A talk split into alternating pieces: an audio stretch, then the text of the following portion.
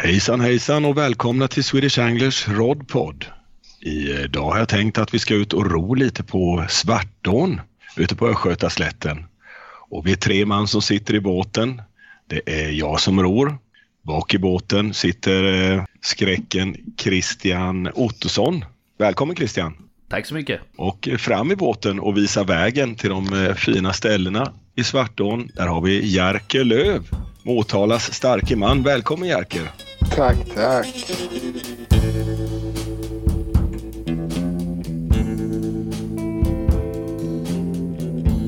Swedish Anglers Rodpod presenteras i samarbete med Fiskekompaniet. I've had enough of your bullshit to last me a lifetime. So get out of here. I don't wanna Det var länge sedan. Ja, det var många år sedan börjar det bli nu. Ja, vi fiskat eh, en hel del ihop tidigare. Ja, alltid lika trevligt. Ja, jag har mycket roligt. Känns eh, jäkligt kul att ha dig här alltså. Ja, det är kul. Tack. Hur står det till? Allt bra eller? Ja, det är det. Livet rullar på allt för fort. För lite fiske, Aj, aj, aj. för mycket jobb. Men eh, man får fiska när man blir lika gammal som Brännis. Ja, jag tror nog att du hinner med en hel del va? Är det inte så? Och det blir det väl. Ja. Men inte de där 150-200 passen som man hade i benen för. Nej, det var mycket på den tiden. Du får omkring som tusan landet runt och fiskade Ja. lite överallt och olika arter. Och hur är det idag? Är det mest svartår? Idag är det väl lite karpfiske, lite svartån och försöker komma iväg på någon resa varje år. Rögle är ju favoritstället för oss lata äldre fiskare. Ja, Smidigt. ja. inga knöligheter i marken utan man kan bara gå i foppatofflorna. Precis, det är ju så jävla trevligt. Och man träffar ju mycket likasinnade där nere så det är ju en social grej också. Ja, det är ju det. Det är lite som att komma till PROs eh, möte och babbla lite. Ja, gå runt. Ja. Det, det är väldigt trevligt faktiskt. Har du varit nere där i år någonting och kört eller? I år har jag inte kommit iväg för jag Nej. lyckades ju bli lite corona-arbetslös och byta jobb. Och, ja, det har varit lite halvstökigt i år så att jag har faktiskt inte tagit mig iväg ner. Jag brukar åka en gång om året, minst. Annars. Mm. Ja, det är jäkligt Men i kul år, alltså. i år har jag fiskat mest på hemmaplan. Mm. Mycket i Svartån. Det är ju mitt andra hem, eller första hem. Det beror på hur man ser det. Kan man säga att det, det är ditt favoritfiske, det är Svartån och ditt favoritplats på specimenjorden? Ja, det är det. Jag har berättat för mina närmaste vart de ska sprida min aska. Men det är härligt. Ungefär som jag i Karsöl, där kan, där kan de hiva i mig sen. Ja. Rulla boilies och, och skjuta ut. Ja. Blanda upp det i någon sticky mix eller något. Det är fint. Jajamän, jajamän. Ja, det är härligt. Ja, men eh, du har kört lite pass i, i Svartån då. Har det gått bra eller? Mm. Ja, det har det väl. Mm. Men inte så bra som man önskar. Man vill alltid ha mer. Så är det. Jag har ju fått några fina affärnor i år också. Eh, Men fisket har varit ganska trögt. Det har varit ganska mycket vatten och ja, trögfiskat i år faktiskt tycker jag. Har många som pratar om det, även från andra år, att just våren var väldigt svår i, för just Färna. Ja, Upplevde du att det var likadant? ja det var död å i veckor. Eh, Mm. Hände ingenting, ingenting och sen vart det precis innan lek där så brakade det till och så kom det ett gäng fina fiskar från ån. Eh, men så brukar det alltid vara. Eh, Jaha. Och vi som bor här, vi, så vi börjar ju fiska så fort det inte är is på ån och så. Sen nöter vi på hela våren.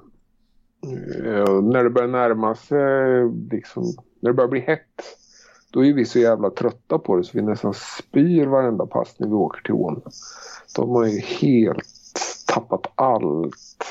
Men man åker ju ändå för man vet ju att de stora kommer. Ja, ja det smäller till. Så är det ju. Ja. Men du har lyckats peta upp några fina va?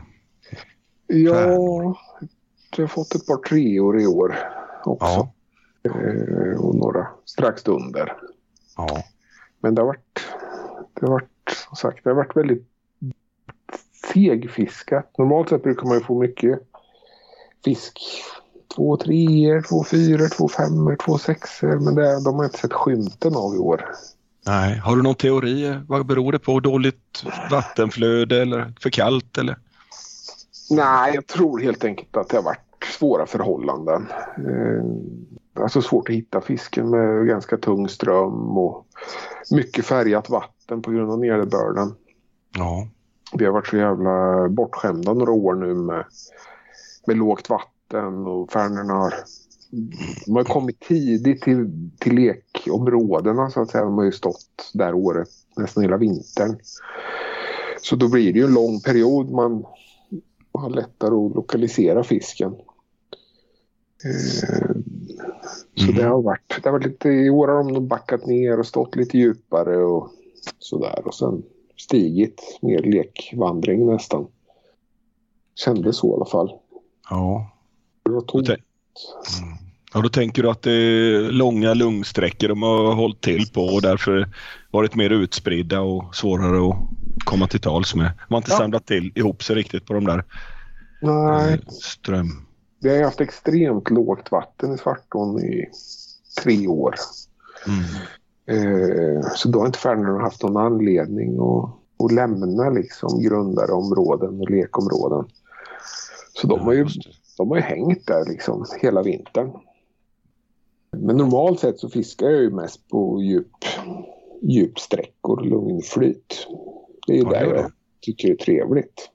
Ja, Man, det, Det var något jag tog med mig från, från min period i Uddevalla när jag bodde där. ja, där körde du ett tag och fiskade i en helt annan å. Fiskade ju extremt mycket i Flian.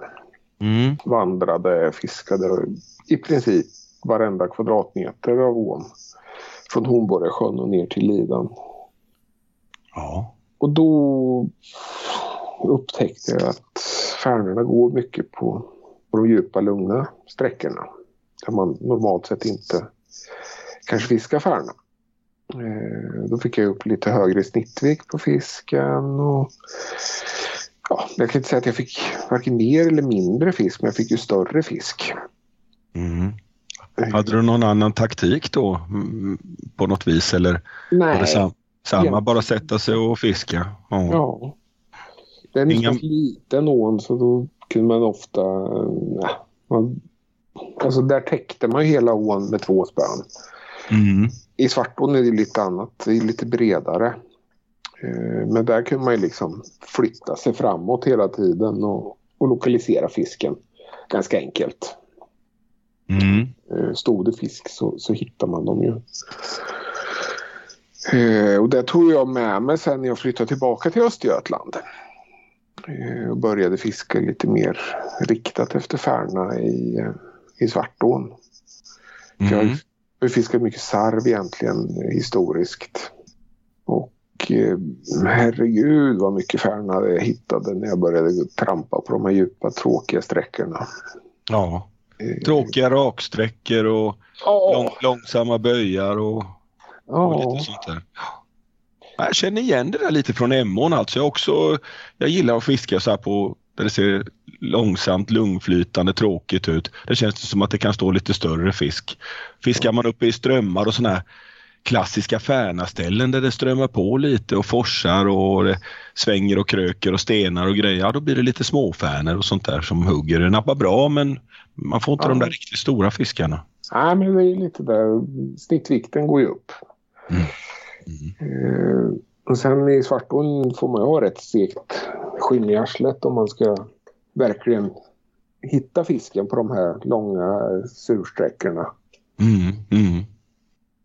Men, då- eh, ja, hur, bär, hur bär du åt? Du, åker du, fiskar du hela dagarna eller åker du ut på kvällen och kör långt in i mörkret? Och, ja, hur bär du åt egentligen? Nej, alltså när jag fiskar då fiskar jag. Mm. Spelar ingen roll. Nej, ska jag fiska då, då är det skitsamma. Då fiskar jag från morgon tills jag inte pallar längre framåt natten liksom. Mm. Det blir ofta väldigt långa pass. Och går mycket. Eh, och sen om man... Ett tips är att om, om man har den hemma och sådär man inte riktigt får koll på den. Det är att fiska sina sträckor vid olika årstider. Mm. Jag har lärt mig otroligt mycket av, i Svartån av att fiska på sommaren och vintern och vid olika vattenföringar och så vidare. På sommaren kan du ofta se om det finns grundare områden. Det kommer upp vegetation till exempel. Där du minst anar det. Mm. Eh, när det är jättelågt vatten kan du se väldigt mycket på vattenspegeln liksom. Att det finns saker under vattnet. Det ligger stenar och det finns djuphålor och strömkanter. De kanske du inte ser på, på våren. Men eh, de är ju där av en anledning. Och jag har Ja. hittat otroligt mycket sådana heta fläckar som ger fisk. Eh, om och om igen. Som, där man har liksom upptäckt att det är någonting där. Det händer. Ja, du, har du hittat att det, där är det gräs på sommaren på ett Ja. litet område i ån och sen så fiskar du där på våren. Ja, Då, då är det en djup ja, en grundklack eller en djup kant eller någonting. det Som ja något som gör på. det. Ja. Eh, och Någon annan botten eller någonting sånt där. ja, det ligger någon gammal traktor som någon bondjävel har gjort försäkringsjobb Ja. eller något. Det, det är liksom det är någon bil. Ja, något gammalt lik. Ja, det är det är inte omöjligt. Nej. ja, fasen, det är häftigt alltså. Jag, jag har ju funderat lite så här. Christian och jag, vi var ju iväg i Emån och fiskade en helg i, på hösten. Det var i oktober ungefär vid den här Ja, tiden för precis. ett par år sedan. Stämmer. Nej, Det var så fruktansvärt dåligt och jag, jag lyckas aldrig få bra på hösten. Jag tycker så dåligt i Emån. Jag fattar inte vad jag, vad jag gör för fel alltså. Det är märkligt. Jag funderar på om fisken går ut i dammarna och struntar i att vara på de här strömmande partierna. Jag har ingen aning. Ja, vad säger du om hösten i Svartån då? Emån kan du inte kanske hjälpa med men jag kanske kan få något, få någon idé av dig hur, hur det är på hösten i Svartån. Jag har ju fiskat mycket höst. Eller ja, jag har ju fiskat mycket året runt som jag sa. Men eh, För vi ska väl säga det, du fick en riktigt, riktigt stor färna en höst. Vad är din största hö- höstfärna? ja, tre, Kommer du ihåg den? tre, fyra, 80 vägde den väl va? Ja, Vill jag minnas. Eh, den vägde nog till och med lite till för det var det var något strul med vågen upptäckte ju när jag hade kommit hem men då visste ju alla om den så att det, det, Mm. den, på fjädervågen vägde den strax över 3 och 5. Mm. Men det var ingen jättestor skillnad så att det var inget att tjura över. Eh, det var ju en magisk fisk. Jag tror det är svårt att... Alltså, jag, tror, jag tror man har svårt att fatta hur jävla stor den var faktiskt om jag ska vara ärlig. Ja. Alltså den var fullständigt grotesk. Är det den längsta färna du har fått också eller? Ja. Ja. Eh, Hur lång var den? Minns du det? Den var 64 plus. Ja. Eh, och helt tom i magen. Mm. helt mjuk. Så jag säger med tanke på hur andra färnor man har fått eh, stora, liksom mycket de har gått upp på vårkanten så, så jag är helt övertygad om att den där fisken de måste ha varit väldigt nära 4 kilo Ja. Ja. Innan lek. Om den nu satte dem. Men den var ju fin också för att vara så stor. Mm. Har, har, du eh, försökt att fiska efter den på våren och sådär? Eller har du fått den någon gång eller sådär? Skämtar du eller? Ja, det är klart du har gjort det. Jag har lagt så Jag vet inte hur jag ska ställa frågan. Men... jävla mycket tid på att få den fisken så det är helt löjligt. Ja. Den är, alltså den, är, den har varit fullständigt helt bortblåst. Ja, Okej. De flesta stora färnor i- som jag fått i Svartån har jag faktiskt fått kanske ett par gånger eller vet kompisar som har fått dem. Ja. Mm. Den här fisken, nej. Eh, och det är inte, jag fick den inte på något hemligt ställe. Jag fick den vid Amnada. Okej. Ja. Strax nedanför Amnada på djupsträckan. Eh, ner mot jaktstugan. ja. Eh, lugnflyt, tråkigt. Och jag har fiskat den sträckan helt, alltså så mycket som efter det. Nu börjar det bli några år sedan så att nu tror jag den är borta. Den kan ju ha dött. Ja. Det händer ju ibland faktiskt, men... Eller bara bestämt sig för att emigrera. Mm.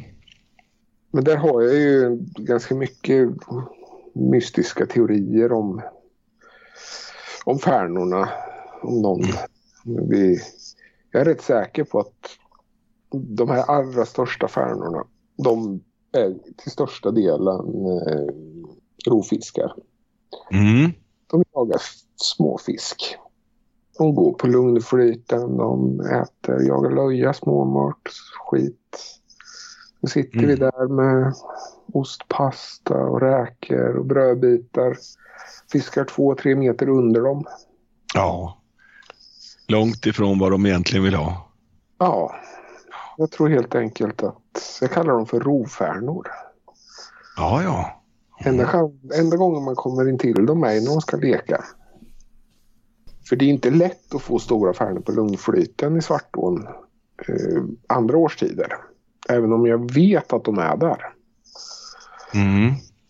Eh, så är det jättesvårt att hitta dem. För jag tror För- det för att de äter fisk till största Ja. del. Och eh, uppehåller sig i andra vattennivåer och kanske ytligare än, än, vad du, än vad man fiskar dem då med bottenmete och så. Ja, på, på djupsträckorna blir det nog lite så. Ja, Eh, ja, just det. Och det, det största... Det som gör att jag tror mest på min teori är att Mm. när jag började fiska med korv Mm. eh, så hände det ju verkligen grejer med snittvikten. Eh, till att börja med när jag, så, jag fick inga färnor under två och ett halvt. Det hände ju inte. Mm. För de här kördes, liksom, man kör stora platta korvbitar. De flyter de där och man håller dem betet i strömmen. Mm. Eh, så står de och fladdrar som ett skeddrag. Och vi fick ju ganska mycket gädda. Åh, jag skulle precis komma till det. Jag, jag har också fått jättemycket gädda på korv alltså. Eh, Men, jag tror, eh, jag tror inte det är för att de gillar korv utan jag tror att det är för att det ser ut som en småfisk. Ja. Och jag är helt övertygad om att då började vi få en del av de där fiskätarna. De kunde inte låta bli. Jag har aldrig tänkt den tanken men det där tror jag väldigt mycket på faktiskt. Och likaså bacon. Det är också här fladdrare i vattnet som flyter. Ja, det har jag aldrig haft hugg på. Ja. Nej, ja, du har inte det? Ja. Jag har försökt lite grann men helt. ja. Jag tänkte just, vi har fått rätt mycket gädda på det. En kompis han fick någon sån här 7-8 kilos gädda också nu för ett par år sedan på bacon just. En baconstrimla lite lång som fladdrar omkring. Ja. Nej, men jag vet ju att det kan vara hett ibland. Och likadant ostbitar och sånt där. Det står ju också och fladdrar i strömmen. Ja. Eh, så att, ja, det, jag tror det. För på bröd får man ju mer fisk, men man får ju med mindre. Mindre färna. Mm. Eh, mindre fiskar så att säga. Eh,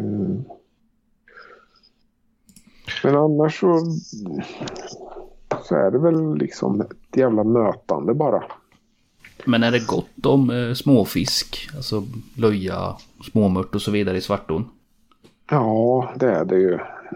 Eh, Alltså löja är det kanske inte jätte, jättemycket men Mycket småfisk rent generellt. ja det är alltså. mycket småfisk alltså. Mm. För det är det ju, eh, kollar man i Emån med så är det ju också en jäkla massa små småmört, löja. Det är ju otroliga mängder småfisk ibland på vissa sträckor när man är där på, på sommaren framförallt eller senvåren.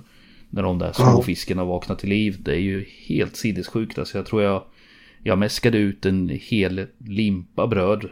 Eh, Och sen så eh, såg vi ju hur färnorna gick under småfisken.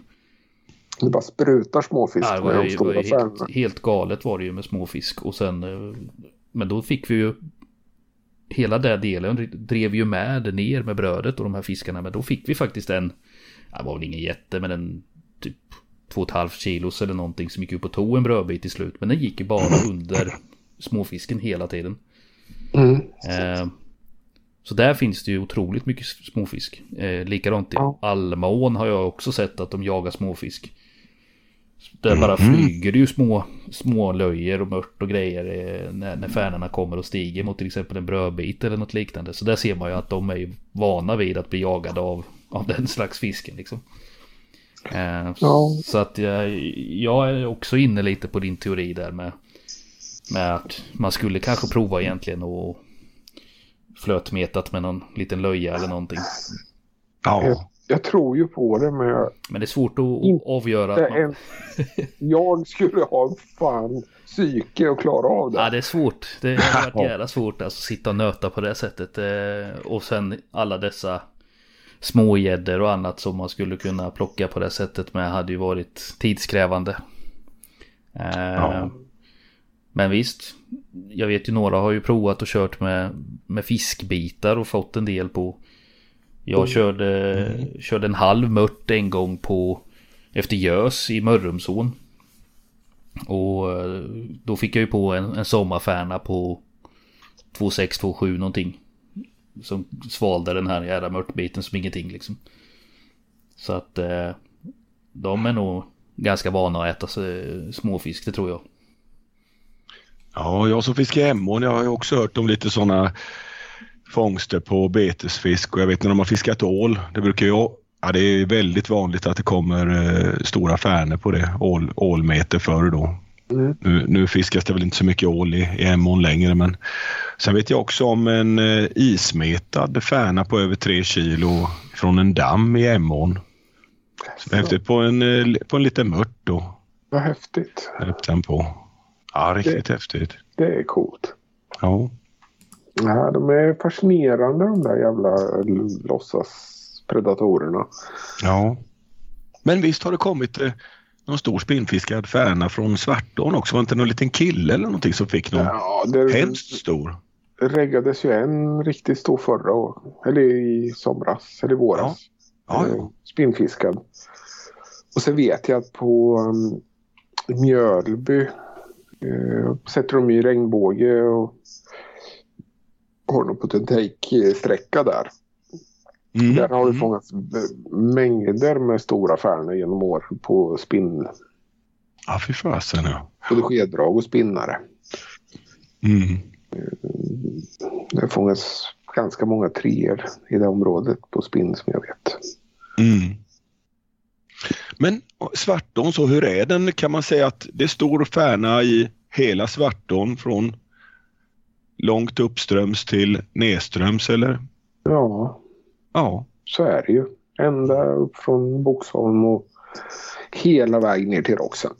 Sen är Ja. det ju några, det är några sträckor som är klassade som att det inte äh, de är inte så intressanta. Det finns inte så stor färna men det det är bara skitsnack. För det, Det är det. det, är ja, men så är det för att det finns stor färna på precis alla sträckor. Men eh, jag kan se till mig själv på någon sträcka så jag fiskar lite grann. Jag har, fått, Mm. jag, har, inte fått någon över tre kilo men jag har fått några liksom fina. Mm. Och så tänker jag hur många pass har jag lagt där om jag jämför med på de sträckorna jag brukar fiska. Då är det inte ens en promille liksom. Nej. Det är där kanske en gång vartannat år och ändå har man fått stora. Ja. ja, men så är det ju. De stora stjärnorna kommer ju upp där folk fiskar mycket. Det är ju, Ja. det är så det är. Så är det Emån också om man tittar på. Det fångas ju väldigt mycket stor stjärna långt upp i Emån men jag skulle nästan vilja säga att det är 99 procent av alla som heter färna fiskar långt upp i Emån vid Vetlanda, Tällängtrakterna där. Och då Mm. kommer ju alla stora fiskar där. Och Svartån är det ju... Det är egentligen två, eller, eller tre områden som det fiskas. Det är ju långt upp då mot Boxholm. Fiskas det ju mycket och där kommer det jättestora färnor. Och sen är det ju de två nedre sträckorna egentligen klassiska. Vågforsen, Älvestasträckan och, och sen Linkelösa och ner mot Roxen. Liksom. Det är de två sträckorna där nästan allt fisketryck är. Mm. Mm. Och givetvis kommer ju de stora färnorna i de områdena. Det är Ja. inte så konstigt. Nej, men vad cool den är Svartån. Alltså, den har ju hållit i alla tider. Eh, Den har ju varit en stor färna Ja, och, och från början och ända tills idag då. Utan dippar, känns det som. ja. Jag kommer ihåg något år jätte, jättelänge sedan. Då fick jag, jag fick mitt ett gammalt personbästa på 2,9 25. Det var den största färnan som fångades i Sverige det året. Ja. Och det måste varit det sämsta färnåret någonsin. Herregud. ja. Ja, det är sjukt. Men färnor, det har blivit mer storfisk i ån. Ja. Eh, mer gamla, stora eh, fiskar. Mm, mm. Inte alls... Det, det saknas lite fisk underifrån, känns det som. ja, det gör det. Mm. Vi har ju extrem ökning av utter och skarven fiskar i Svartån. Och, ja, Ja. det är mycket... Mycket sådana saker som påverkar. Och sen är vattnet otroligt mycket renare och mindre, alltså det är näringsfattigare idag vattnet. Ja. Ja, men så tycker jag det är lite överallt. Alltså det har blivit. Vi har, vi har varit så himla duktiga nu i, i Sverige på brunnar och utsläpp och gödning och grejer och minska ner på allt. Så det har Ja. förändrats. Mm. Så, så hela fiskbeståndet har ju faktiskt förändrats ganska mycket. Ja. Sen går det ju någon form av cykler. Mm, Braxarna börjar till exempel bli ganska så stora i Svartån nu. Ja. Inte med Rögle-mått mätt, men eh, liksom om man ser i normala vatten så Ja. fångas det ändå lite braxar över fyra kilo nu i ån. ja, ja. Och det har det inte gjort på, ja, sen jag Sen det, fiska. sen det gödslades med koskit. Ja, faktiskt. Med Kaj Jonsson och Håkan Ja. Fransson och de här höll på att få runt. Men eh, du har inte smackat på någon femma än? Nej, jag fått två Nej. fyror i år faktiskt. Ja, vad häftigt. Ja. Det var ju alltså en fyra kilos braxen från Svartån var ju något som var högt upp på min bucket list. Ja. Så jävla glad när jag fick den första. ja. Sjukt glad kan jag säga. Eh, och så fick jag en till passet efter på samma ställe. Så en annan individ då. Ja. Ja, det är verkligen en specimenfiska för en sån å. Det är ju inte en braxenå så utan det Nej. är verkligen kul. Och, Eh, och lite som du Christian, du drog ju på någon fin brax härom, härom veckan på, i Mörrum på 4,8 va? Ja, 4860. ja. det häftigt. Klippte Det på också bottenmetet på bröd. Det var lite oväntat. Då blir man ju snopad. Ja, det, jag tänkte först fasen det här känns som en rätt bra id. Det var, bara liksom tungt. Sen efter ett tag så insåg jag att nej det här är nog ingen id. Sen kom det upp någon som ett jävla dasslock i mörkret där bara. Det var lite oväntat. Sen eh, för normalt sett brukar man få någon brax där när man kör. Men de är ju sällan över två och ett halvt. Det är de, de enstaka man har fått som har kanske har närmat sig tre kilo. Så den här var ju jävligt oväntad. Ja, det är skithäftigt. Men det var jag, jag var superglad med. Det var hur roligt som helst. Ja, men det är ju sådär. Det är ju... Det är Man verkligen får ju en se... speciell fångst. Ja, man får ju se vart man fångar fisken. Ja, Ja. precis. Man måste ju titta på omständigheterna kring det. Det, är ju, det går ju aldrig att jämföra på vatten från vatten utan vissa har, har stora braxar och vissa har det inte. Så att eh, Mm.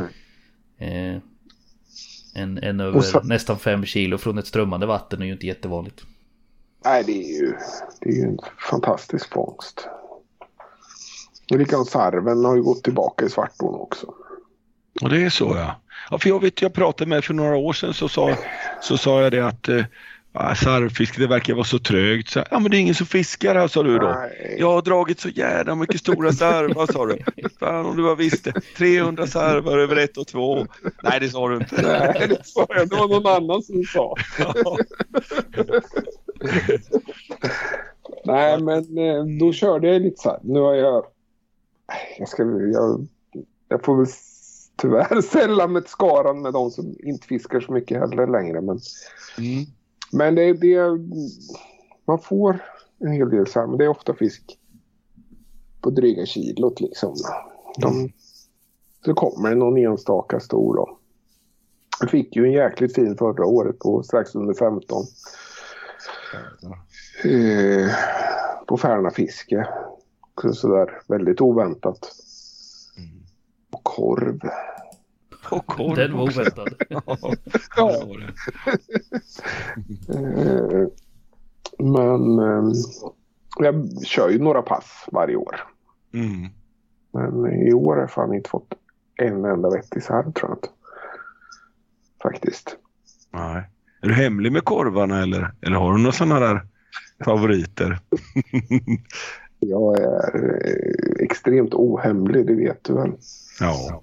Vitlök, och, vitlök och spiskummin. Nej, kummin är det väl. Mhm. Skan och jävla. Det, den gillar jag. Ja. Eh, och sen någon med chili. Någon cabanos liknande. Ja. Ja. Har jag också gett en del fisk. Men den vitlöken är ju faktiskt det som har gett mest. Så stora, eh, runda eller så ovala skivor. Aha. Så skär man av ena kanten på skivorna. Mm. För annars snurrar de som en propeller i vattnet och tvinnar linan. Så det gäller att skära dem på ett bra sätt så de står och fladdrar som en betesfisk. Så de går fram och tillbaka och inte snurrar? Precis. Ja, titta där ja.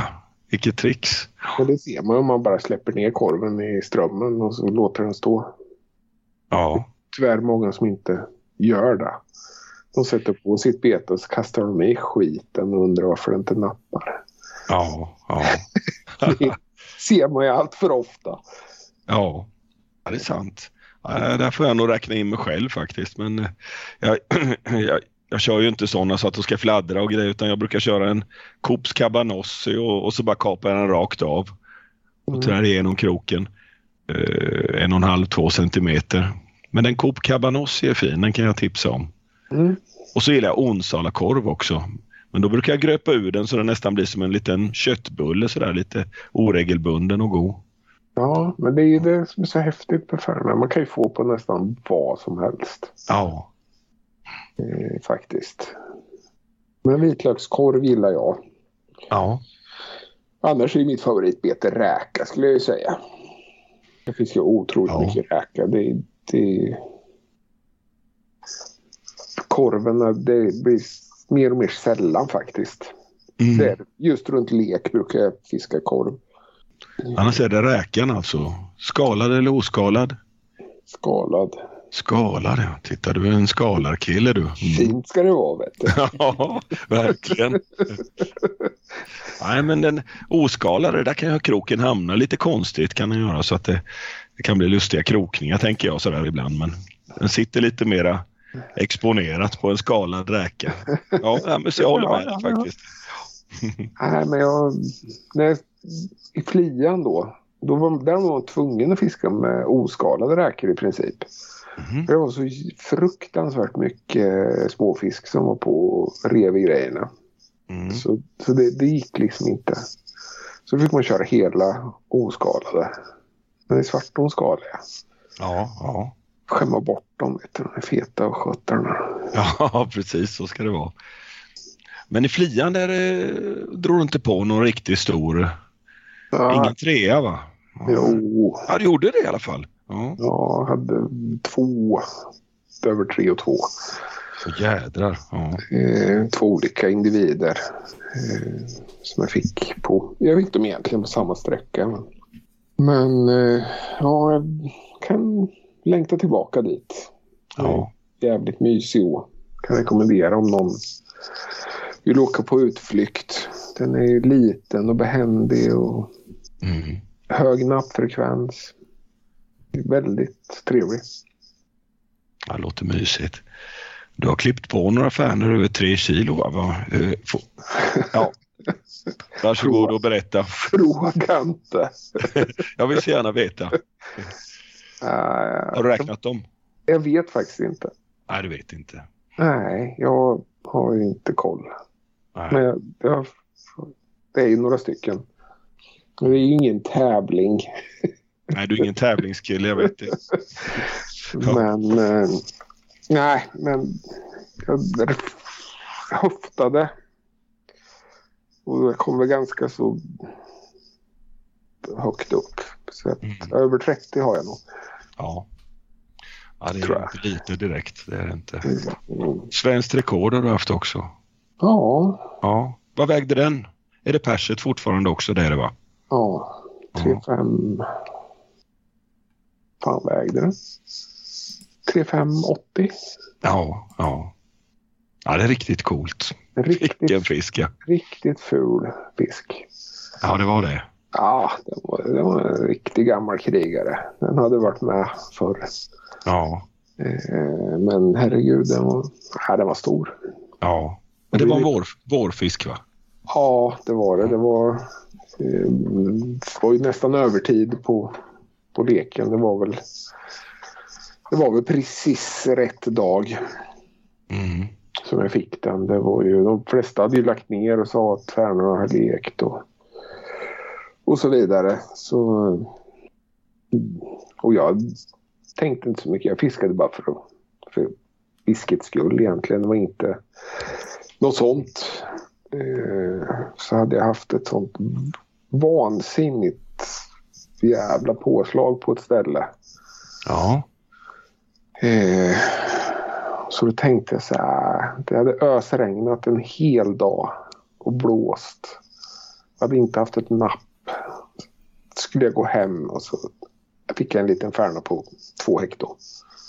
ja, Nej, vad fan. Jag får, får pröva det sista stället. Se om jag kan lura den där som, som jag hade sist jag var här. Eh, så pratade jag med en kompis som berättade. Så sa jag vart jag var och så sa han att ja men där visste ju han att hade fångat någon stor fisk då för längre sedan.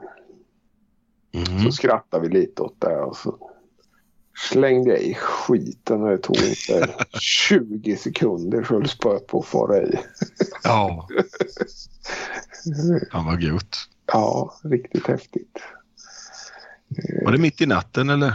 Ah, sent på kvällen var det. Sent på kvällen? Ja. Ja, så jag, jag fick ju tag i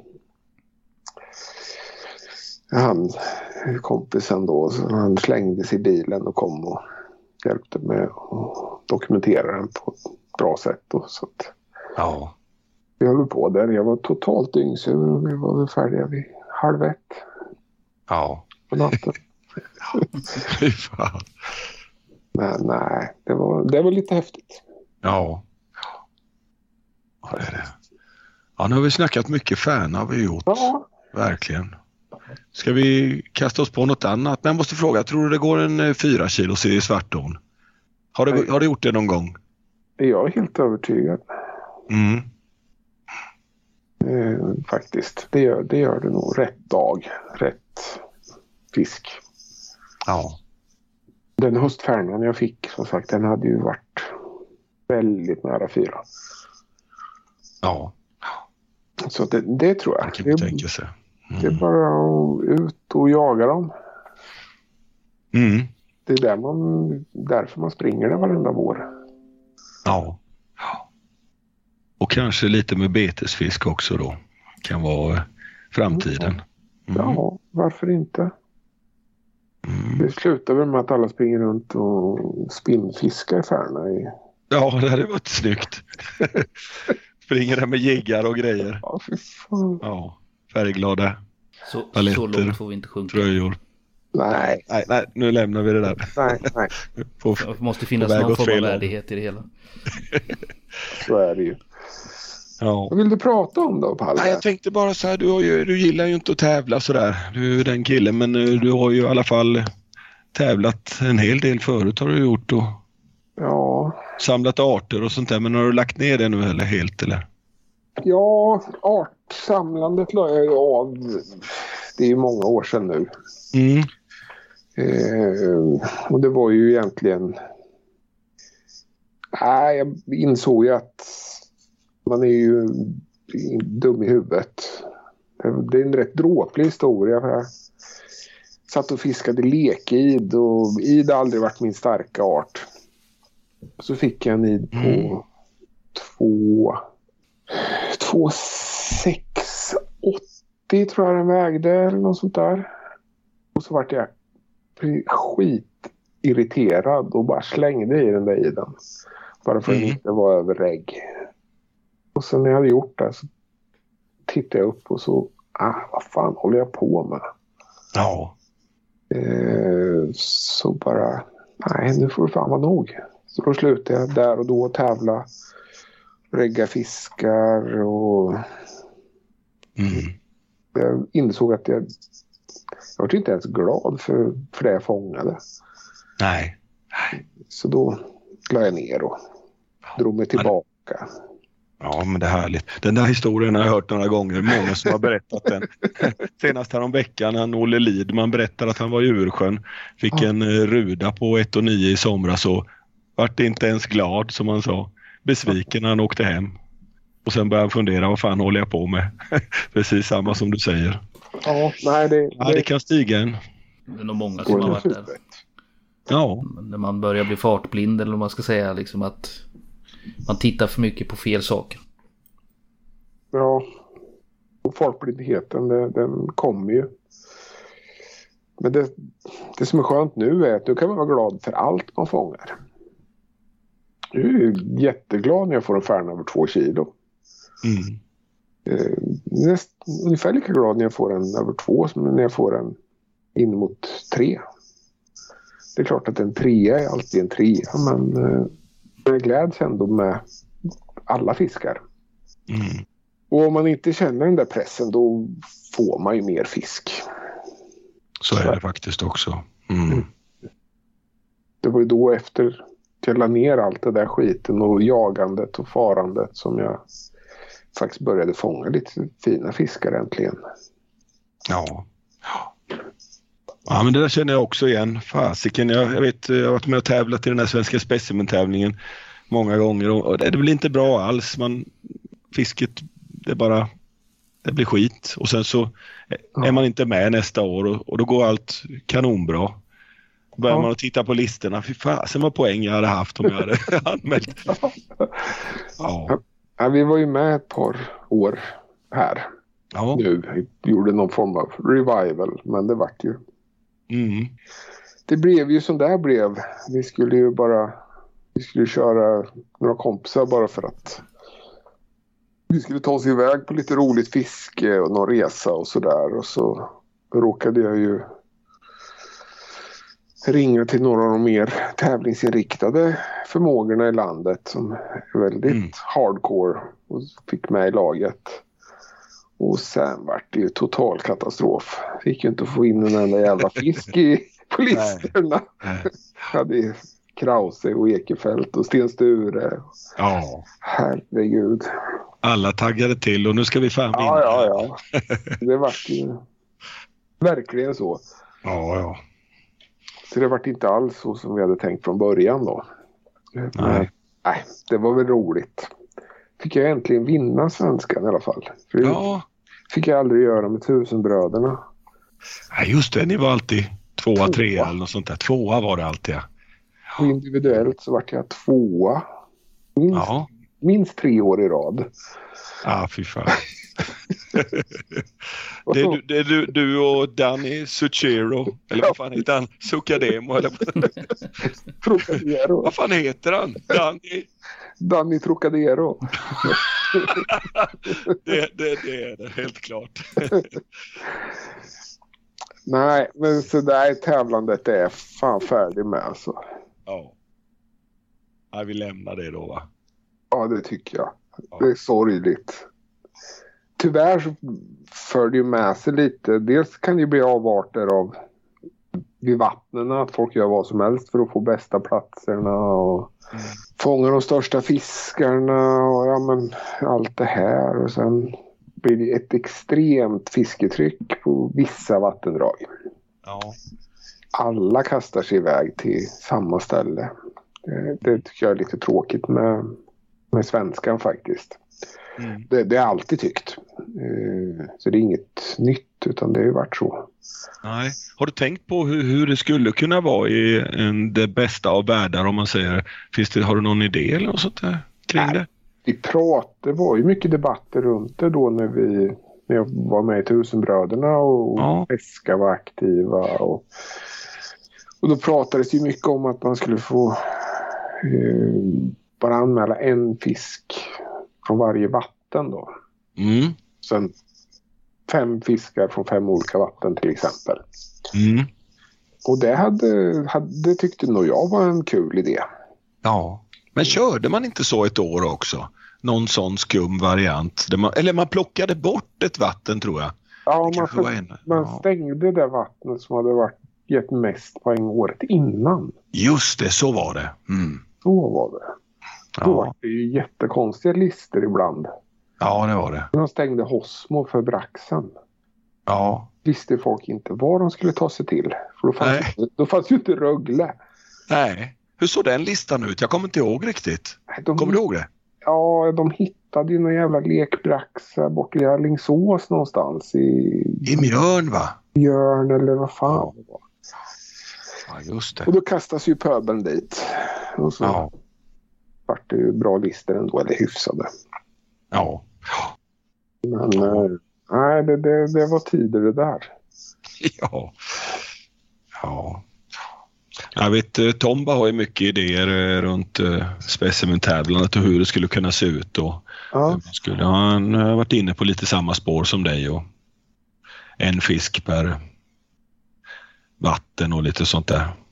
ja, det kommer ju bli svårt. Det kommer ju bli extremt mycket diskussioner runt fångstanmälningar och Ja, det kan det bli. Det kan folk nog vill inte släppa sina vatten och Nej. alltså sånt. Så nej, jag vet inte. Det Ja, är bra. Det finns alltid något problem med allt. ja det finns det.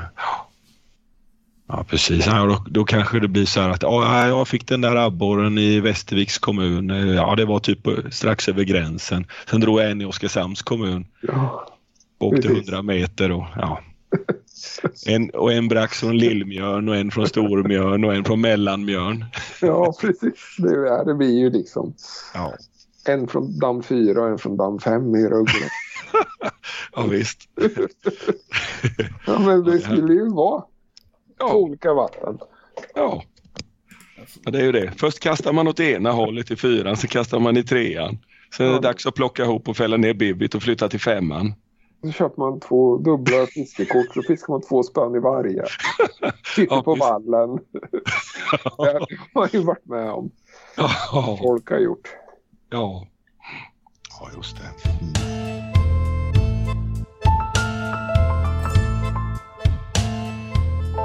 Men du, ja. Fasen, du har ju varit ute och rest ihop också. Bott på slott och grejer och Herregud. druckit rödvin och... Vilken jävla resa var det? Kommer du ihåg det? Minns du något från den resan? Tveksamt. Jo, jag har faktiskt lite starka minnen. Jag tyckte faktiskt att eh, du, du, du fick in mig på det där med rödvinet. Det tyckte jag var fint. Jag kommer ihåg eh, när vi, vi, vi låg där i varsin säng i, i slottet i Polen. Jag kan väl berätta, vi åkte till Polen Ja, kan vi börja med. Med Stefan Dansken Dejan, Niklas Niklas Nilsson, Ronny Johansson. och du och jag. Ja, och Dejan var med också. Nej. Jo, en bit. Men det gick åt helvete där. Han fick Komma åka till hem. Ja, det var jättetokigt. Var det. Mm. Ja. Nej, det Vi, var... åkte, vi åkte färja över gjorde vi. Ja. Ja. Och sen när vi kom till Polen, då kom de fram med sina k-pistar, de polska tullvakterna. Tog våra pass. Sen fick vi sitta och vänta där jättelänge. Sen gick de och hämtade Dejan och drog in honom på tullkontoret. Så fick vi sitta och vänta jättelänge igen. Och sen kom de ut så fick vi tillbaka våra pass. Och så sa de att vi skulle åka. Visst var Ja. det så? ja. Och vi frågade, men vart är Dejan då? Ja. Dejan must go back, sa de bara. Dejan måste gå hem. Ja, fy fan. Och så Och danske, dansken sprang in där och vrålade och skrek ja, och levde. Jag var rätt så säker på att vi skulle faktiskt hamna i polskt fängelse. kände Som han levde. Rövare där på tullkontoret. ja, herregud. Vilket liv. Minns ni vilket år detta var? Ja, Minns vi någonting?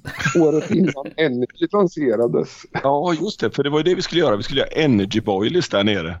Så vi åkte ner hela gänget och skulle hitta på smaker och, och säga vad vi skulle ha för ingredienser och grejer. Nere i eh, Wroclaw hette staden. Ja, precis. Wroclaw, ja. Mm. Det var långt där resa.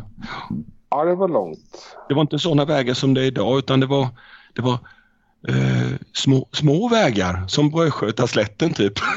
Ja, träkors jämte vägarna där det har varit dödsolyckor högt och lågt. Och... Åh herregud. Ja, 60-70 mil ner i Polen va? Ja, något sånt skulle jag kunna tänka mig. Så hamnade vi hos Pavel Ja, Pavel hette han ja. och fick besöka hans nya boilerfabrik. Ja, åh herregud, det kommer jag ihåg. Vi körde och körde därifrån Wroclaw ut på landet och jag tänkte, vad fasen, ja det var som att komma ut på Östgötaslätten precis. Ja, Ja. det var ju det. Och bara eh, åkrar och ängar, åkrar och ängar. Och så långt borta där i det här labyrintsystemet av vägar så såg man en grå bunker. och vi kom fram till den där grå bunkern och han sa This is my boiler factory. My new boiler factory. och det var en grå bunker. Det måste varit någon sån här. Ja, men Det måste ju ha varit något från andra världskriget. Ja, ja. Och jag kommer ihåg vi travade fram. Ja, ska vi gå in och titta här? Och tänkte vi så här. Och Jerker klev in först och kastade sig ut ur huset skrikandes. Ah! och det var verkligen, det fanns ju ingenting som stöttade upp hela det där taket mer än några gamla ruttna träbjälkar där inne. Det var ju, det låg ju fullt med ras, rasat tegel och betongblock överallt. Och, ja. Lite bås så här för hästar eller, eller grisar eller något eh, var det där inne. ja, det var ju någon gammal lada av något slag tror jag. Och sen stod det typ fem, sex ryska gästarbetare och rökte där i ett hörn. Och han blev så jävla förbannad på lacken när han fick se dem att de inte gjorde någonting. Så han bjöd dem på en utskällning som hette duga där. Men, men, Ja. men var det hans nya fabrik? Det var Ja. Då vill man ju ens inte veta var det gamla var någonstans. Det fick vi aldrig se va? det tror jag Nej, inte. bara ett lager fick vi se. Ja, där var vi och länsade. Rätt så bra där. Ja, just det. De sa, eh, han sa det, you can take whatever you want, sa han på lagret. Och Precis. jävlar, du vet det fanns ju karpmattor och det fanns krokar och grejer och det. Rensat totalt. Ja, och vet du, jag har faktiskt grejer kvar från den där. För jag tog en, en stor, påse med, stor påse med lekande. Jag tror det var så här typ 25 000 lekande i den här påsen. Jag slängde i, jag slängde i min korg. Ja, vad häftigt. Nej, jag hittar ibland lite sådana där grejer. Tandembaits. Prylar ligger i mitt förråd sådär. Ja. Massa random grejer som jag liksom aldrig har- inte knappt vet vad det är för något. Nej, ja, precis. Nej. Och så bodde vi på ett jävla slott. Ja. Mm. Lilla rum du och jag där, kommer ihåg. Satt och, och, och du satt och låg och berättade om eh, vad man skulle dricka för vin. Betalar man över 100 kronor för vinet, och det var ju mycket på den tiden, eh, då, där, där var det fina vinet. Så. Jag blev så jävla nyfiken på det där och började köpa vin och grejer och det. Och, skit alltihop. ja. ja, nej för fasen. Dricker bara rödvin nu i stort sett. Men kommer du ihåg det? Det var åtta minusgrader inomhus på slottet. Ja, Det var inte uppvärmt. Det var bara hotell, alltså våra rum som var uppvärmda. Allt annat var utetemperatur. det var jäkla mystiskt. Så stort som satan var det ju. Ja. Och allting var så stensatt inne i, kommer ihåg. Och så eldade de då i, i massa små ugnar och sånt där. Öppna, eller öppna spisar och grejer. Det var rätt coolt ändå. Ja, det var det. Vi, men vi gjorde ju mycket bra beten där och då. Ja. Sweet honey, liksom. Ja. Magic fruit. Tidernas. Ja, magic fruit.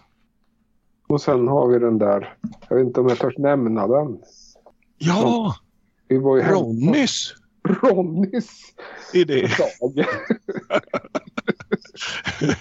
vi var, efter några vodka så tyckte han ju att Pavel skulle ta fram en, med hjälp av sin fru ta fram en flavor som skulle heta Pavels Pink Pussy.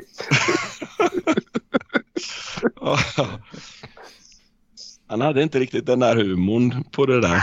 Nej, Nej, och- Men han, han var tjatig var han Ronny. Han nötte på med den där. ja, ja. Tog upp den lite då och då.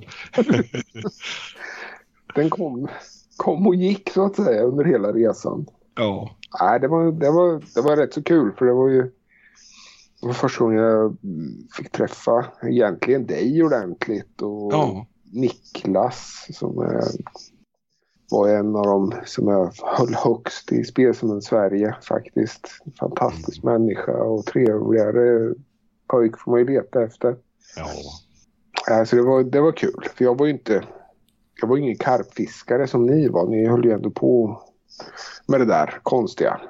Mm. Jag hade inte börjat fiska ett karp än faktiskt. Vid den tiden. Så att jag var ju mer med bara för att... Nej, jag vet inte varför. Jag tyckte det var fränt. Men vi gjorde ju spray, sprayer och boostrar och, och grejer och allt möjligt och dipper och ja. Och det var mäskblandningar och pelletsblandningar och Jag tänkte säga det, var mäsk och en del därifrån också. Energy-mäsket. ja. Det Ja. var väldigt mycket. Jag fick ju Pavel att blanda till en eh, sån fresh fish åt mig i köket. ja. som var sådär hundra gånger mer koncentrerad än det som såldes sen. Där fick jag fantastiskt mycket fisk på. Jag Mm. hade när jag fiskade lake, den var helt magisk på den tiden. ja. Den skulle jag kunna ge, en slant för en sån flaska faktiskt idag. Ja. Ja, jag vet att det är fler som har haft bra på den.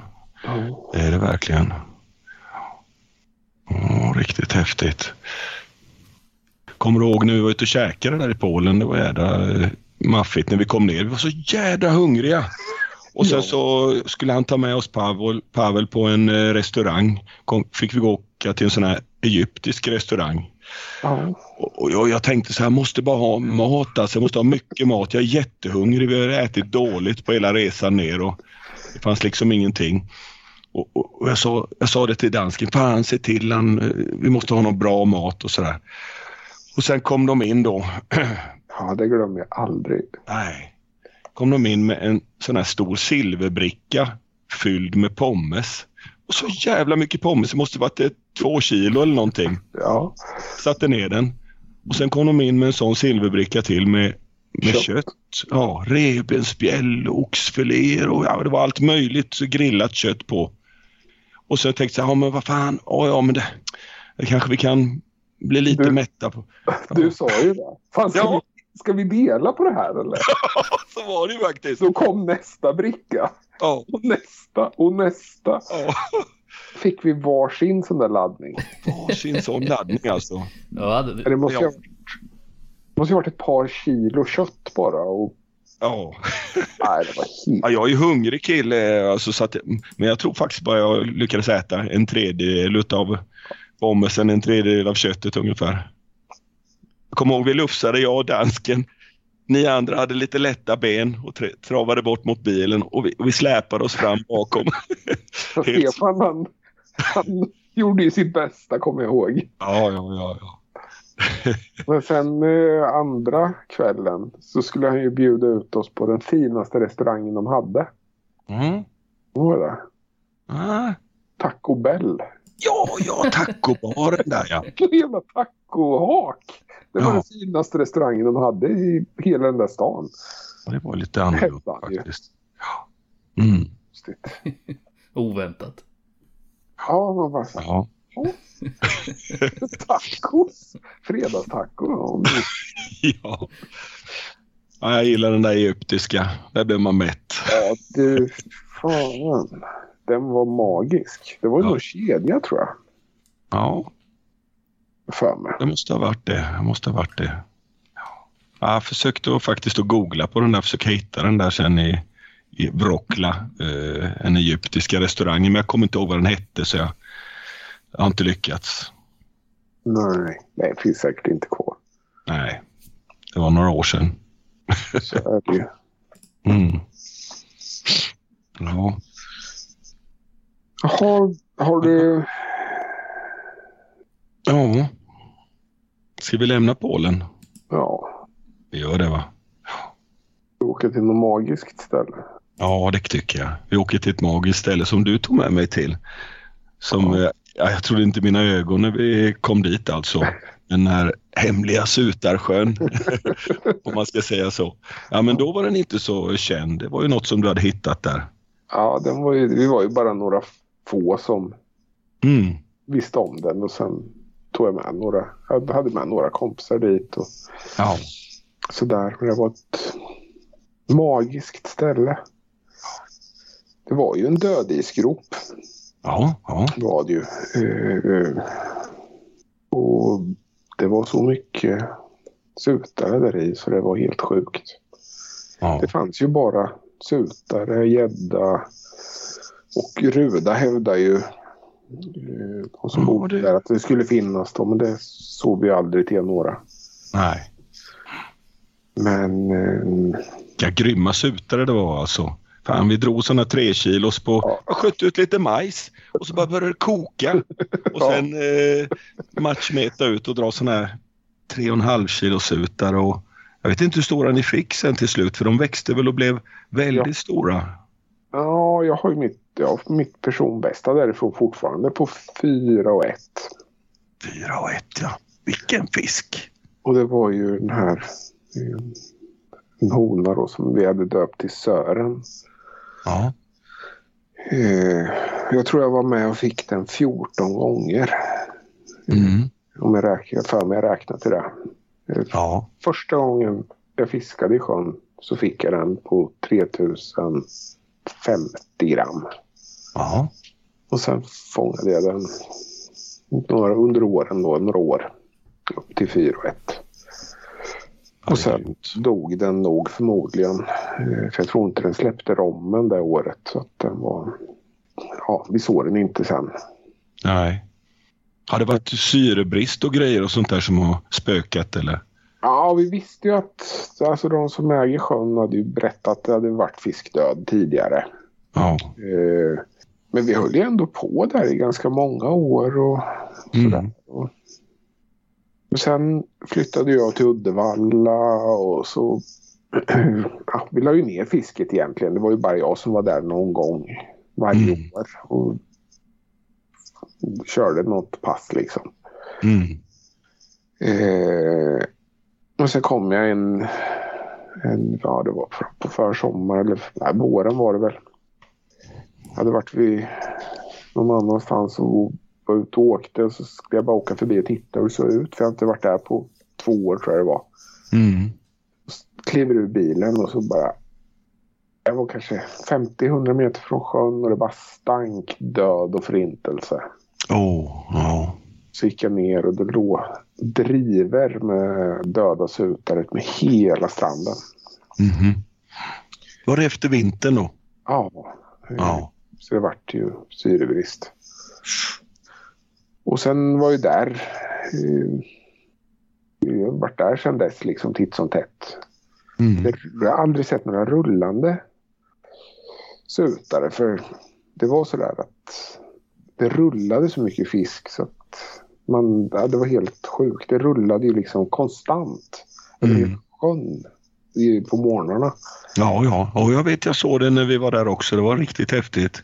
Eh, Men så var jag, det är väl två år sedan nu var jag där. Och då mm. höll de på och lekte. Då var det ju hundratals sutare som höll på och for runt. Mm. Framför fötterna jag stod på en sten och tittade på dem. Eh, De såg inte så stora ut som Nej. förr. Men Mm. eh, om ett par år, Ja, eller kanske nu. Jag vet inte, de växer ju ganska fort. Så att ja. jag ska väl åka dit och pröva igen. För det är som sagt, jag hade många må- magiska Ja. eh, morgnar där. ja Jag kommer ihåg så extremt väl när, när du och jag var där. När du Ja. skulle slänga ut någon jävla eh, boltrig. Och Ja. sa, nej det där går inte. Ja, visst. Mm. och du satte på en, ja det var en Sweet Honey kommer jag ihåg. Mm. Straight on the lead, vilket jag tyckte var jättekonstigt. Och du sa, Ja, nej det går bra vet du. Ja, visst. 10 centimeter över Ja. vatten någonting. Ut med skiten bara. Och det Mm. drog ju iväg nästan direkt. Ja. Fick du väl en och sen drog det iväg igen. Ja. Så hovade ju jag bort den. För det var massa sjögräs och skit. Ja, just det ja. Mm. Eh, och den var ju rätt så fin. Mm. Och sen tog det väl någon timme så, så fick jag ju en sutare på, på flötmeter som hade en jättestor och fin gul Sweet Honey. Men vad fan. Ja, just det. Så var det. Du tog den för mig. Jävlar. Fy fan. Vad är det, tre, Jag var jävla kompis. Du, nu- fem, det tror jag. Något sånt där. Du får ta med mig dit igen. Ja, det ska jag absolut göra om, om Mm. fisket bara repar sig. Nej, det var, det var ett fantastiskt ställe. Ja, det var verkligen det. Fasen, jag tyckte det var så fint, det var så häftigt alltså att du bara, ja, de kommer sutarna sa du bara, skjut ut lite majs här och så sköt man ut och så kunde man följa sutarna precis hur de gick och, och nu kommer en närmare flötet och nu kommer en, ja, det var så, och sen nappade det. Ja. Och snittvikten var ju jättebra. Ja, det var det. Mm. Vi fick ju, fick ju många över storfiskvikt där i kan man väl säga. Ja, Vi hade ju några galna pass. Eh, Vi fick, jag tror vi hade, jag tror, ah, jag vet inte vem det var, men jag tror vi hade, vi fick 11 sutare på tre timmar och sju över storfisk direkt. ja fy fan. Ja. Det tror jag nästan vi hade när vi var Ja, där. vi hade också sådär Ja. skitbra. Jättefina fiskar. Ja. Och den har- he- heter Mm. inte Stora Vänstern för er om någon lyssnar som har varit där och tittat. Nej, just det. Förlåt. jag tror det anmäldes någon fisk från... Vi anmälde ju inga till Svenskan eller till Storfiskregistret därifrån. Men där någonstans Ja. så dök det, ja, om det var ett Storfiskregistret kanske. Så anmäldes det någon fiskar från Stora Vänstern som är... Men visst fasen är Stora Sutare i Stora Vänstern med va? Nej, Är det inte det? det kan vara Östergötlands absolut tråkigaste sjö. Ja. Men jag vet att folk har varit där och provat. Mm. Ja. Till, till dem får jag väl säga förlåt då. ja. För det, var ju, det fanns ju inte så mycket stor, alltså vatten för stor skjutare. Eh, på den tiden. Egentligen det var ju Antorpa om man skulle ha en stor skjutare. Näsången och de sjöarna var ju döda egentligen då. Det fanns ju inget vettigt. Nej, det hade svängt neråt där. Man skulle vara glad om man nådde tre kilo i, i de sjöarna. Ja, det var inte lätt alltså. Nej. Så att, sen var det väl någon sjö på västkusten kanske och Antorpa då. Mm. Men det, det fanns inte många vatten egentligen i Sverige för storskjutare. Nej, även Kölbydammen hade tappat eh, Ja. mycket. Och det fanns ju inga stora sutare i Hosmo som det gör idag. Nej, Eh, det var väl aldrig någon som fick några sutare på den tiden i, nere i Hosmo. nej, det var Brax var det. Ja. Mm. Ja, häftigt alltså. Men vi hoppas att den reser sig igen. Ja, ja. Och det är skönt att man har fått konstatera vilken Östergötlands sämsta sutarsjö är också. Det har du ju Ja. hjälpt till med. Lycka till säger jag bara om det. Alla kommer vallfärda dit. Jag tror inte det finns ett vassstrå eller en näckrosblad i hela sjön. Nej. Den är så jävla steril den sjön. Nej, den där Sutarsjön, Kri- Christian, den hade du gillat alltså. Den var sjukt eh, fin var den. Ja, det lät som, lät som något speciellt. Ja, det var väldigt speciellt var det. Du pratar alltid om den. Ja, det gör jag. Ja, Tjatar och tjatar. Jobbig jävel. Men eh, vi lämnar väl ändå. Så, eh, ja. Du har ju gett in på karpfisket på senare år också. Eller ja, senare år. Det var väl ganska länge sedan du började med karpfiske i och för sig. Men, ja, men jag är fortfarande total nybörjare på det där. ja, men det är vi alla va. Jag lär sig något nytt varje gång. Det går upp, det går upp och man tror man är kungen och så bara faller man och sen så man börjar man Frank fråga kompisarna vad gör jag för fel, vad gör jag för fel? Kan du titta på mina riggar? ja. Jag har ju ringt till dig några gånger. ja, för fasen. fan, jag tappar massa karpar, jag blir knäckt. Ja. ja, men det är väl det som är tjusningen va? Ja, Ja. det är inte lätt. Nej. Jag har haft eh, tre tjuriga år nu också på hemmaplan i Sverige. Riktigt tjurigt. Men eh, nu har jag börjat få tillbaka självförtroendet. Så nu, Det ska jag slå, ja, nu ska jag slå mig på bröstet och dra stora karpar nästa år.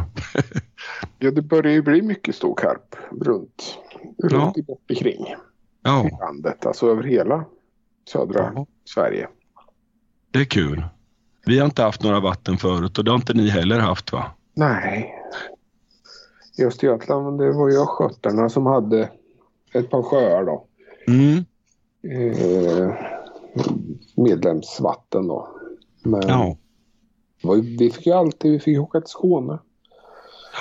Skåne eller Kroppkärr eller ja, det var väl där man gjorde. Men i Ja. Småland, ni har ju otroligt mycket vatten i Småland idag. ja, nu har vi det. Ja, det är bra. Henrikstorp minns jag du var med. Vad hette han? Danne va? Dan, Daniel? Ja, Danne. Ja, ni Daniel. var ju, ja. Perstorpssjön, Nybarpssjön fiskade ni kommer ihåg en gång. Jajamän. Ja. Det var, var mycket konstiga resor där nere. Mm. Jag vet inte om... Vi kanske hade fått mer fisk om vi hade inte varit så berusade hela tiden. Mycket dråpliga historier. Nej, fisk fick vi nästan alltid när vi åkte. Men, ja. men eh, det är svårt att åka iväg när man inte kan förmäska eller sådär. Man har två, Ja. tre dagar och så kan man kasta sig iväg till någon. Bara sätta sig. ja, det kan bli lite Bingolotto. Ja, Men det var, visst hade du ett fint pass i Lönsboda där också i någon sjö? Någon liten göl. ja var du och Danne också? Jajamän. Fick någon, ett par fina. Det är inga jättestora men jag kommer inte ihåg vad de vägde. Jag hade någon, ett pass också där i Lönsboda-trakten i någon sjö vi varit tipsade om. Mm. Så vi skulle bara fiska en natt. Och på morgonen drog det iväg tidigt. Mm. Och jag körde fast karpen i någon jävla nekrosbank och ut och trassla runt vet du. Och lyckades väcka Danne som är, ja, han, kan ju, eller han var rätt så grinig på morgnarna.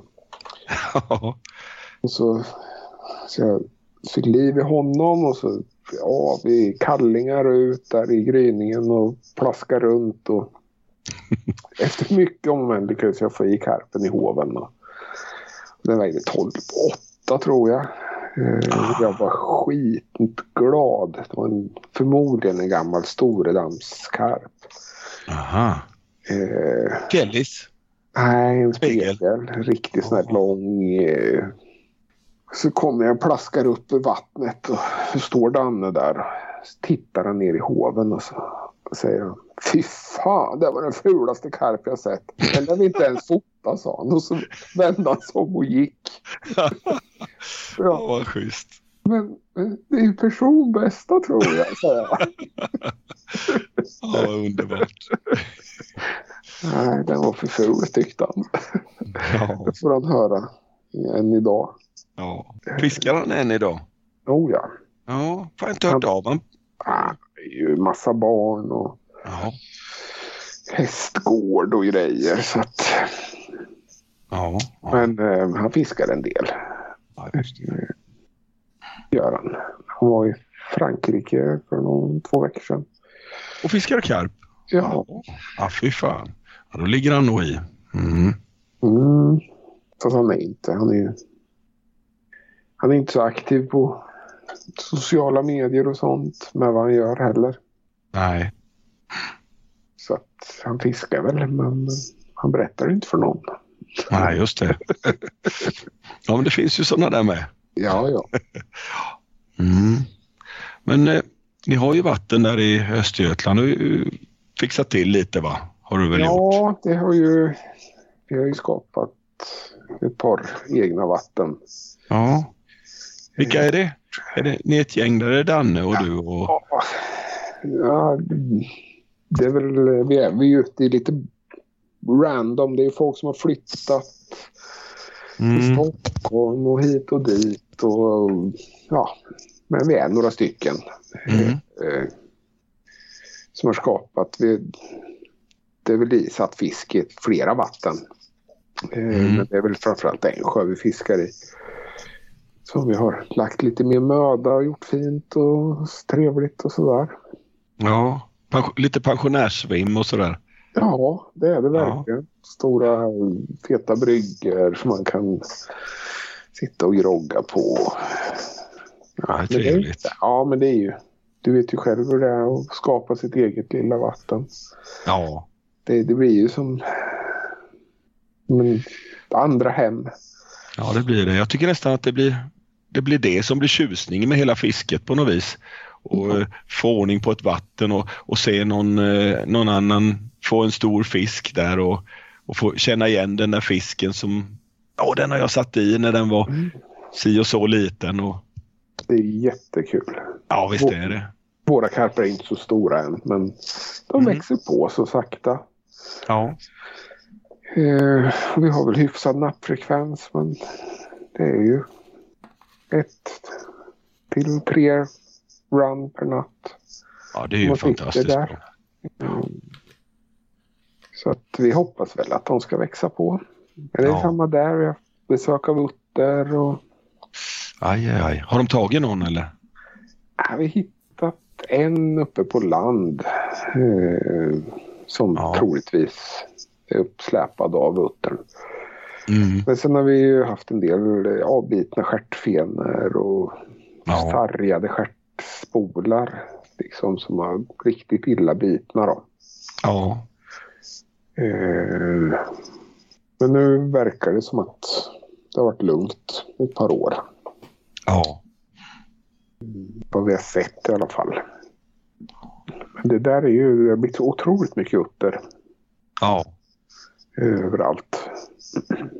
Ja, det har faktiskt sett sutter i, i Karsöl också. Jag tro, trodde det knappt på det Ja. först när jag hörde det. Men, men eh, jag fick bilder och så på den. Och, ja, visst det fasen var hörde det. jag också. Ja, ju ha varit någon jag känner. ja, det måste ha varit. Fasen var det för någon? Ja, det måste ha varit någon du kände ja. Fredrik eller? Kan ha varit det. Ja, det var det nog. Fred, vad heter han? Fredrik Ste, Stenström? Stenström, ja just det. Det stämmer nog. Det var nog han som skickade bilderna till mig. Ja, Ja. jag tror det. Ja, men eh, ja. Den verkar inte vara kvar. Det var nog bara någon som passerade får hoppas. De springer ju ofta ut med bäckar och diken och sånt i skogen. Ja. Små. Alltså de kan ha jättestora revir. Ja, just det. Vi hörde ju att en utter hade blivit överkörd eh, någon ja, 6-7 kilometer från våran sjö. Mm. Så man kunde ju hoppas att det var den då. Ja, det kan man hoppas. mm. De är rätt så jobbiga. Ja, det är fina djur är det och sådär. Ja. Ja. Så de har ju säkert sin plats någonstans. Har de ju. Men det känns ju som man vill ju inte ha dem just där man fiskar stor fisk. Mm. Svartån kan man ju se. Jag ser ju nästan eh, varje pass. Ser man Ja, det är så. Och på alla sträckor. Ja. Eh, något tillfälle så är tre stycken samtidigt. Oj. Mm. Jösses ja. Det Och ser då man ju kan- kollar man på den engelska sidan där de har slängt ut en jädra massa uttrar så det, de eh, förstör ju fisket fullständigt på många sträckor. Ja, Mm. Nu är ju kanske inte jämförbart alltid med Sverige men man märker ju stor skillnad. I åar då alltså? Ja, åar, karpsjöar med såklart men det är Ja, det har jag läst om. mycket, mycket i åar tar de med mycket barb och färna och, och även de har Ja. mycket karp i sina åar där också såklart men eh, de går ju på de fiskarna. Det är ju inte jätte, jättekul att få in liksom. Inte i de mängderna när man ser tre stycken på ett pass då vet man att det finns ganska gott om dem. ja för de är ganska skygga ändå. Mm. Mm. Och det har blivit mer och mer. Det är en av få ställen i Sverige man kan köra där man ser det finns en utterskylt vid, eh, nästan mitt i centrala Linköping höll jag på att säga. Men, när man Ja, åker över i, jag kommer inte ihåg, är det mot Skäggetorp? Nej, Tinnebäcks, Tinnebäcken är det väl? ja precis. Upp mot lasarettet Ja. där någonstans. Exakt. Mm. En vägskylt med varning för utter. Ja, det är lite udda. Ja, det är bara att gasa på lite. Ja, precis. Ja. ja. ja, hemskt. Ja, det var taskigt sagt. Men ibland så tänker man ändå lite så att fan, vi vill ju inte bli invaderade av dem. Nej. Jag var och åkte, skulle åka upp till Nästången en gång med en kompis från Oskarshamn. Han var jägare. Han skulle vara med och meta sutare där. Och sen, ja, först kom det en katt och sprang ut i vägen och jag bromsade så här. Och han bara spände ögonen i mig. Vad gör du, sa han. Det var ju bara en katt. körde, vi, så, så, körde vi vidare. Så, sen låg det en, en, en hare. Det, var, det är ju sådana här jägarskämt ju. Sen, eh, sen låg det en hare på vägen som var överkörd. Så här. Se där, sa han. En platthare. Det är en särskild art. ja, det var en parentes där. Ja. Ja. Vad säger du om Motala ström då? Där var du nästan först med ju. Ja, vad ska Det var lite täv- tävlingsfiske och Karlström? grejer. Ja. Jo, hysteriskt. Eh, bara blivit större och större sarvar där nu. Nu vill ju Ja. ingen åka till Svartån längre utan nu åker man ju till Motala ström och kör sarv. Ja, vi började ju, vi hittade ju det där av en slump jag och en kompis. Mm. Rickard va? Nej, Ja, Rickard Rosén. ja, titta. Eh, Mm. Och vi bara, ja, vi hade fått, dels hade vi hört att de hade fått stora sarvar på en mettävling. Men sen att de även skulle ha fått stora sutare då. Mm. Så vi hade ju inget sutavatten. Eh, och det var ju liksom, det var ju där vi jagade hårdast. Brax och sutare, det var ju där liksom som var häftigt. Vi fiskade brax i Svartån. Och... Så vi rasslade iväg dit och fick med en gammal gummibåt. Paddla ut.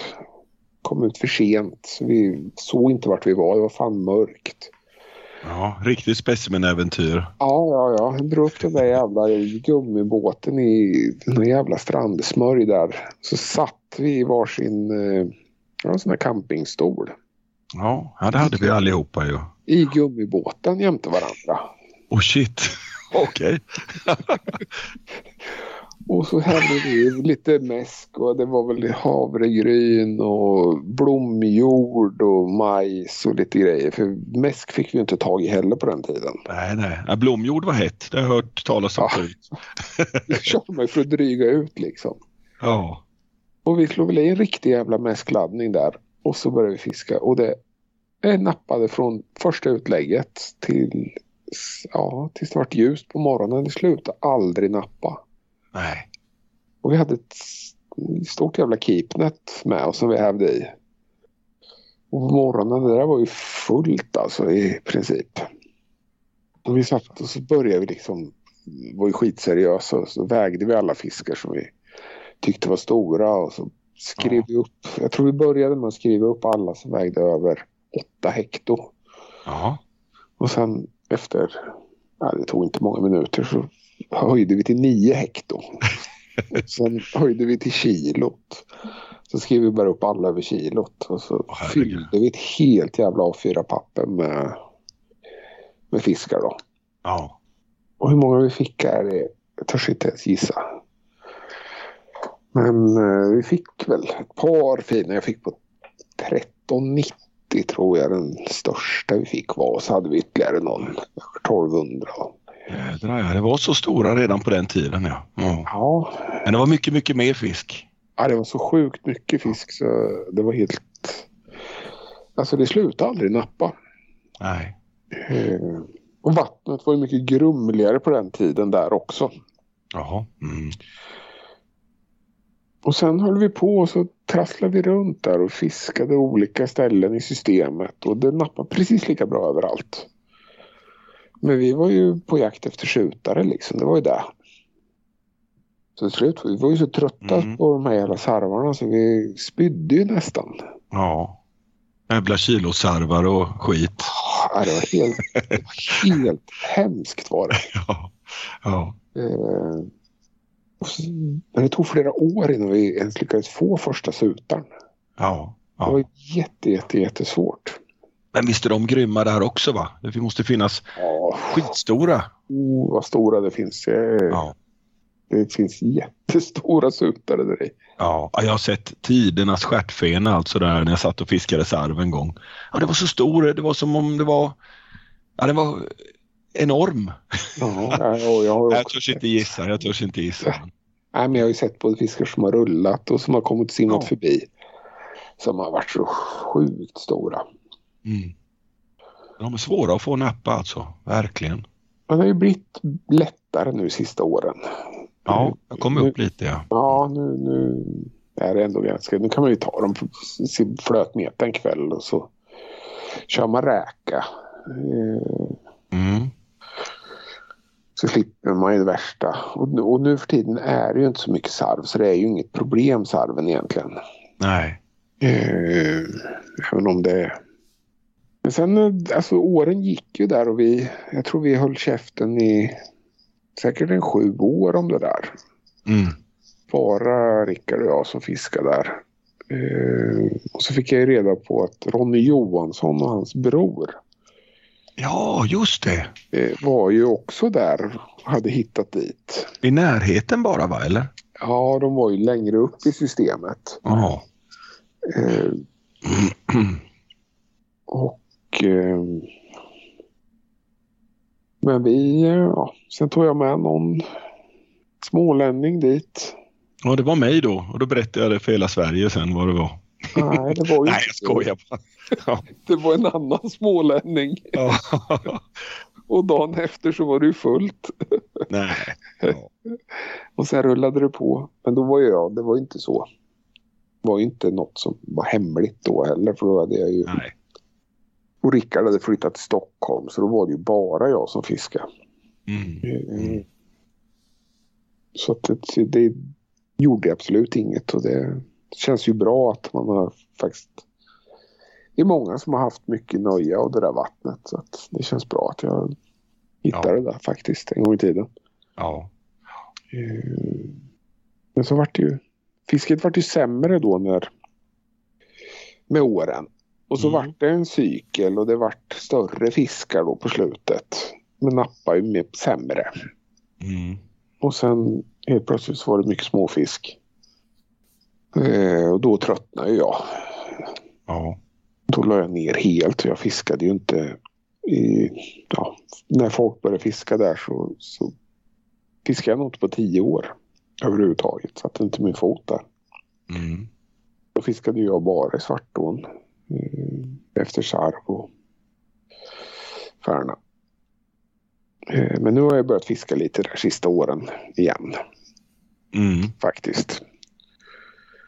Och det är ju fantastiskt häftigt. Ja, det är spännande det är det verkligen. Ja, man kan ju ha sådana sjuka fisken. Men jag har inte fått någon riktigt, riktigt stor. Eh, Nej, då menar du... Över hur Stor. Någon över 1500. Nej, du har inte klippt det där. Nej. Mm. Så att det är väl lite därför jag håller på. Ja.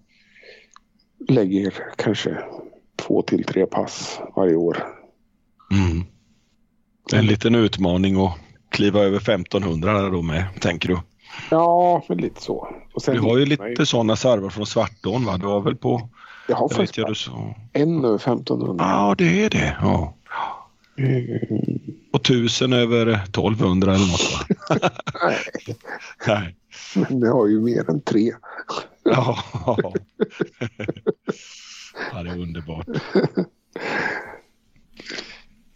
Ja, tror du, har du hört talas om någon, om man bara tänker sig lite udda med, med, med sutare där i Motala ström. Tror, har du hört om någon riktigt stor sutare där någon gång att det kommer upp?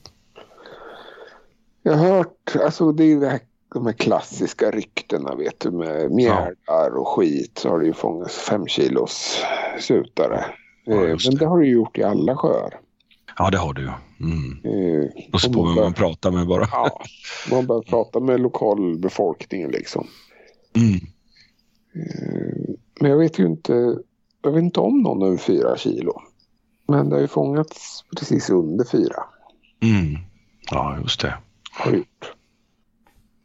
Och som sagt, jag är helt säker på att det simmar många fyra kilo sutare där i. Ja. Många, många. Och Det är väl något. Det skulle jag verkligen. Det är också på min bucket list så är det en fyra kilos Ja. från Motraström. Ja, det vore coolt. Det vore skithäftigt. Ja. Så jag prövar, jag kör några sutarpass varje år. Ja, det gör det ja. Ja, det gör jag. Eh, Jag har fått upp till tre och sju kanske. Mm. Det är det största. Eh, Så att det kommer Ja. förr eller senare. Jajamän, det kan jag tänka mig. Men vi ser om bucket list säger du, har du några andra planer framöver här? Vad siktar du på egentligen? Nej, jag har väl egentligen inte. Det är väl sådana där lite små, små grejer. Jag vill få en riktigt stor gädda. Ja. Ja, det skulle jag också vilja ha. En riktig...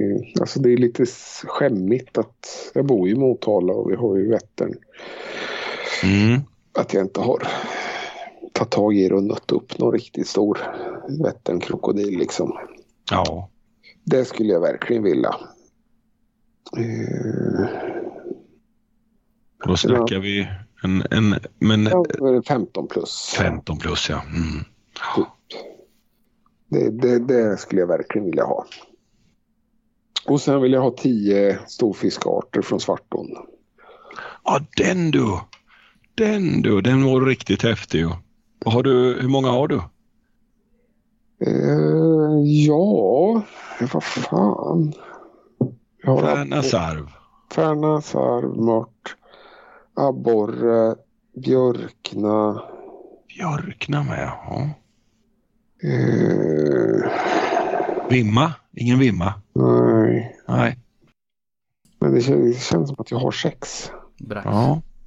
Nej, Nej. Den är nära där ändå. Fyra och fyra eller vad är det? Nej. Ja precis. Mm. Den är fullt möjlig. Mm. Nej, men jag kanske har Fem var ju det i alla fall ja. Ja. Så finns det ju Vimma, det finns Brax. Ass. ja. Asp också ja. Just. Det finns ju stora aspar, det gör det ju. Mm. Gädda. Gädda går absolut. Ja. Ål. Ål ja. ja, det vill jag se dig sitta där och nöta efter ål. Ja, Men- nej, den är väl kanske lite långsökt. Men, eh, Ja, men du såg väl, tittade ni på den här, eh, vad heter det, Uppdrag granskning som gick här igår? Vilka ålar där från Östergötland. De såg riktigt stora ut. Den. Tittade ni inte på den? Uppdrag granska. Jo, det är tekniska Det var- verken. Ja, just det. Roxen. Roxen ja. Det var nog roxenfiskare där ja. Tydligen så, fasen. så säljer ju han, eller kör ju han yrkesfiskaren i Roxen. Ska Mhm. typ köra ålar ner till... Ja, det visar de ju på tv nu. Ja, de visar det. Ja. Ja. Han, eh, Jag tyckte de såg skitstora ut. det var några riktigt eh, fina fiskar där alltså, det var det. Ja. Eh, Men jag kommer inte ihåg vad det... Jag känner en gubbe som har varit med. Han hävdade att de var riktigt grova. Mm. En del. Ja, det, det var såna här korta tjocka eh, lunsar. Mm. Verkligen alltså. Ja, ja, ja. ja. det var en parentes där. ja. Och det kommer väl alltså, stora ålar från Svartån som går igenom. Mm. Och sen regn Stångåssystemet. Där sätter de i ål fortfarande. Ja. Eh, på vattendom. ja, där har du något för eh, pension, pensionstiden sen. Mm. Sitta och nöta ål. Nej men sutare går ju säkert att hitta i Svartån också. Ja, men det borde du väl göra va? För det får ni väl lite ibland? Ja, det är mycket sutare i Åjärn. Ja. Ja, det är spännande. Jag kommer ihåg, eh, du, du visade faktiskt när jag var hemma hos dig en gång något litet gammalt klipp gjorde du när eh, du hade fått någon sarv och var med i tidningen. Var det inte så? Ja, Det måste vara länge sedan. Det var typ tidigt 80-tal nästan. det var 1989. Åh herregud. Hur gammal var du då? Nio år. Då började du specimenfiska kan man säga. Ja, det var ju min första storfisk. Ja. Nål så att säga. Det var ju... Registrerade du den i storfisken då? Ja, den registrerades både i AB och, och till Sportfiskarna då, eller stor, Storfiskregistret. Ja. Och det här var väl i samband med den här sviten då som blev så mytomspunnen? här, det var ju Nej. innan de fick den. Ja, det var innan den ja. ja. Ja, det var lång- ganska långt innan. Den var ju den var ju bara några gram ifrån det dåvarande svenska rekordet. Mm, När vi vägde den på krönt våg. just det. Ett dygn efter fångsten. Ja. När den hade legat på altanen i solen hela dagen. Ja. Om då har den tappat mycket. Då har den tappat mycket kan jag säga. Mm. Eh, jag kommer inte ihåg hur nära det var. om Det var. Ja, jag för mig att det står i tidningsklippet att det bara var 5 gram. Men jag tror det var något, det var nog mer. Det var nog 25 gram ifrån eller något. Ja. ja, just det.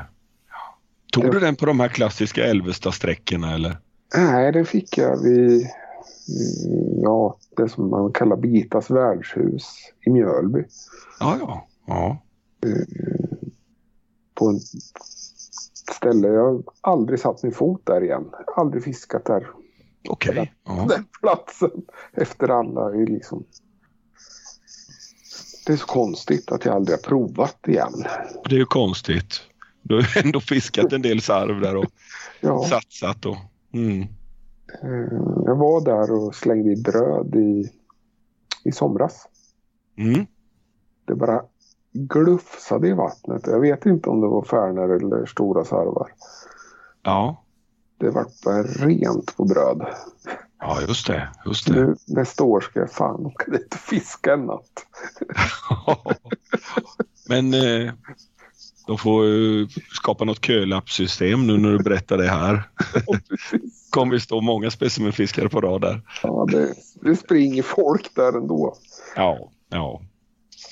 Nej, det, jag är bara glad om någon lyckas fånga några stora fiskar. Jag är inte så hemlig av mig. Nej. Har, du klar, har du kvar det där klippet, eh, tidningsklippet? Ja, det har jag. Kan vi, kan vi inte få eh, publicera det i, i samband med att vi publicerar podden här? Så får vi se hur det såg ut när du var nio år. Lite kul. Fan, Fy fan. Ja. det är klart. Fundera på det. Men jag har det. Ja, det var det. Jag ska... Inte fan, nu vi hittade det men vi klippte ihop någon form av... Det var två bilder som klipptes ihop. Ja. Nej, jag, ska, jag har det. Ligger, ligger i min Facebook-feed någonstans. Ja, det gör det. Kul. Mm, jag tror det. Det får vi kika på sen. Det ska jag fixa. Ja. Men du Krille, du har ju fiskat. eh, Du är ju från Linköping ju. Ja, Det är Du jag. måste ha fiskat en del i Svartån eller började du fiska Färna när du flyttade därifrån? Ja. Det gjorde jag ju. Jag... eh, När jag bodde där uppe så... eh, Då fiskade jag ju mest gädda abborre. Jag började ju meta mycket senare. Eh, Ja, okej. Men jag har ju varit Svartån eh, några gånger och, och fiskat. Jag har ju varit Motala ström och fiskat och sådär. Så att jag har ju varit på, på, på några av de där platserna. Eh, Men så här i efterhand så ångrar man ju att man inte hittade metet tidigare. Då envisas man ju med med sån här tråkigt spinnfiske. ja det, de har ju hittat i Svartån. Ja, när jag var sist i Svartån så gick det förbi ett par stycken eh, abborre sp- spinnare. Ja, det har varit väldigt mycket eh, fokus på abborrfiske i ån faktiskt. De är så fina abborrarna där i. Det är helt sjukt vilka röda fenor. Det måste vara de rödaste fenorna i... Ja, som går att få på en abborre alltså. Riktigt vackra är de. Jag tror det bröts. Ja, lite där. Mm. Ja, jag fiskade en del abborre faktiskt eh, för några år sedan och sen ja, så vart det dåligt och så la jag det, sket jag i och sen ja, nu har jag prövat igen. Kör några pass och där och de är ju så jäkla fina. Mm. Fick ett, par runt två, ett och ett halvt i, eh, i våras här. Riktigt vackra fiskar. Mm. 16 någonting. Oj, oj, oj. Ja. Ja, det är ju regg ju. Men är det pers eh, ifrån Svartån? Eller ditt Ja. ja. Svartåpers? Ja, 1600 någonting där. Jag har aldrig fått någon abborre över 1600 någon annanstans. Nej. Jag, får, jag har tre från Svartån men inga. Ja, men eh, när de är så fina som de är i Svartån då, då, då spelar det nästan ingen roll. Nej, Så. det lockar mig inte så mycket det här som får, det blir sånt tryck på fisket som ni har nere i Nej. Eh, Man hör att här, men det var 40 båtar i någon liten vik. Och Mm. Nej, det är lite mycket. Det känns lite mycket. det där fixar inte jag. Nej. Nej, precis. Det är som att spela Kina-schack. Man ska flytta runt. Ja, Hitta, hitta ytor som är lediga. Nej. så, så har någon fiskat där sex gånger innan samma dag liksom. Ja. Nej, jag, det är inte riktigt min grej. Men det är ju fantastiskt vilka stora abborrar ni har där nere. ja, det är det verkligen. Det är ju riktigt stora och fina. Ja, ja det är sjukt är det. Men de här gamla ställena där vi var nere, man var nere och fiskade brax och Ja, ja, ja. Ja, de Ja, fjädrarna, är de också bra nu eller? ja det är de. De funkar fortfarande. De håller. Ja, de håller men eh, det är inte lika stor fisk där längre är det inte. Men det är mycket fisk är det så. eh, Jag vet jag har en jobbarkompis som var där för eh, några veckor sedan och han hade ju hugg, han fick ju fisk varje kast fick han hela tiden. Så var det abborre, fina matabborrar i, i den storleken. Så han, började, han fick gå på lite större jiggar och sätta på större och större jiggar för att sortera, sortera ut lite och få lite större fisk. Så det, det är den cykeln vi är inne i där.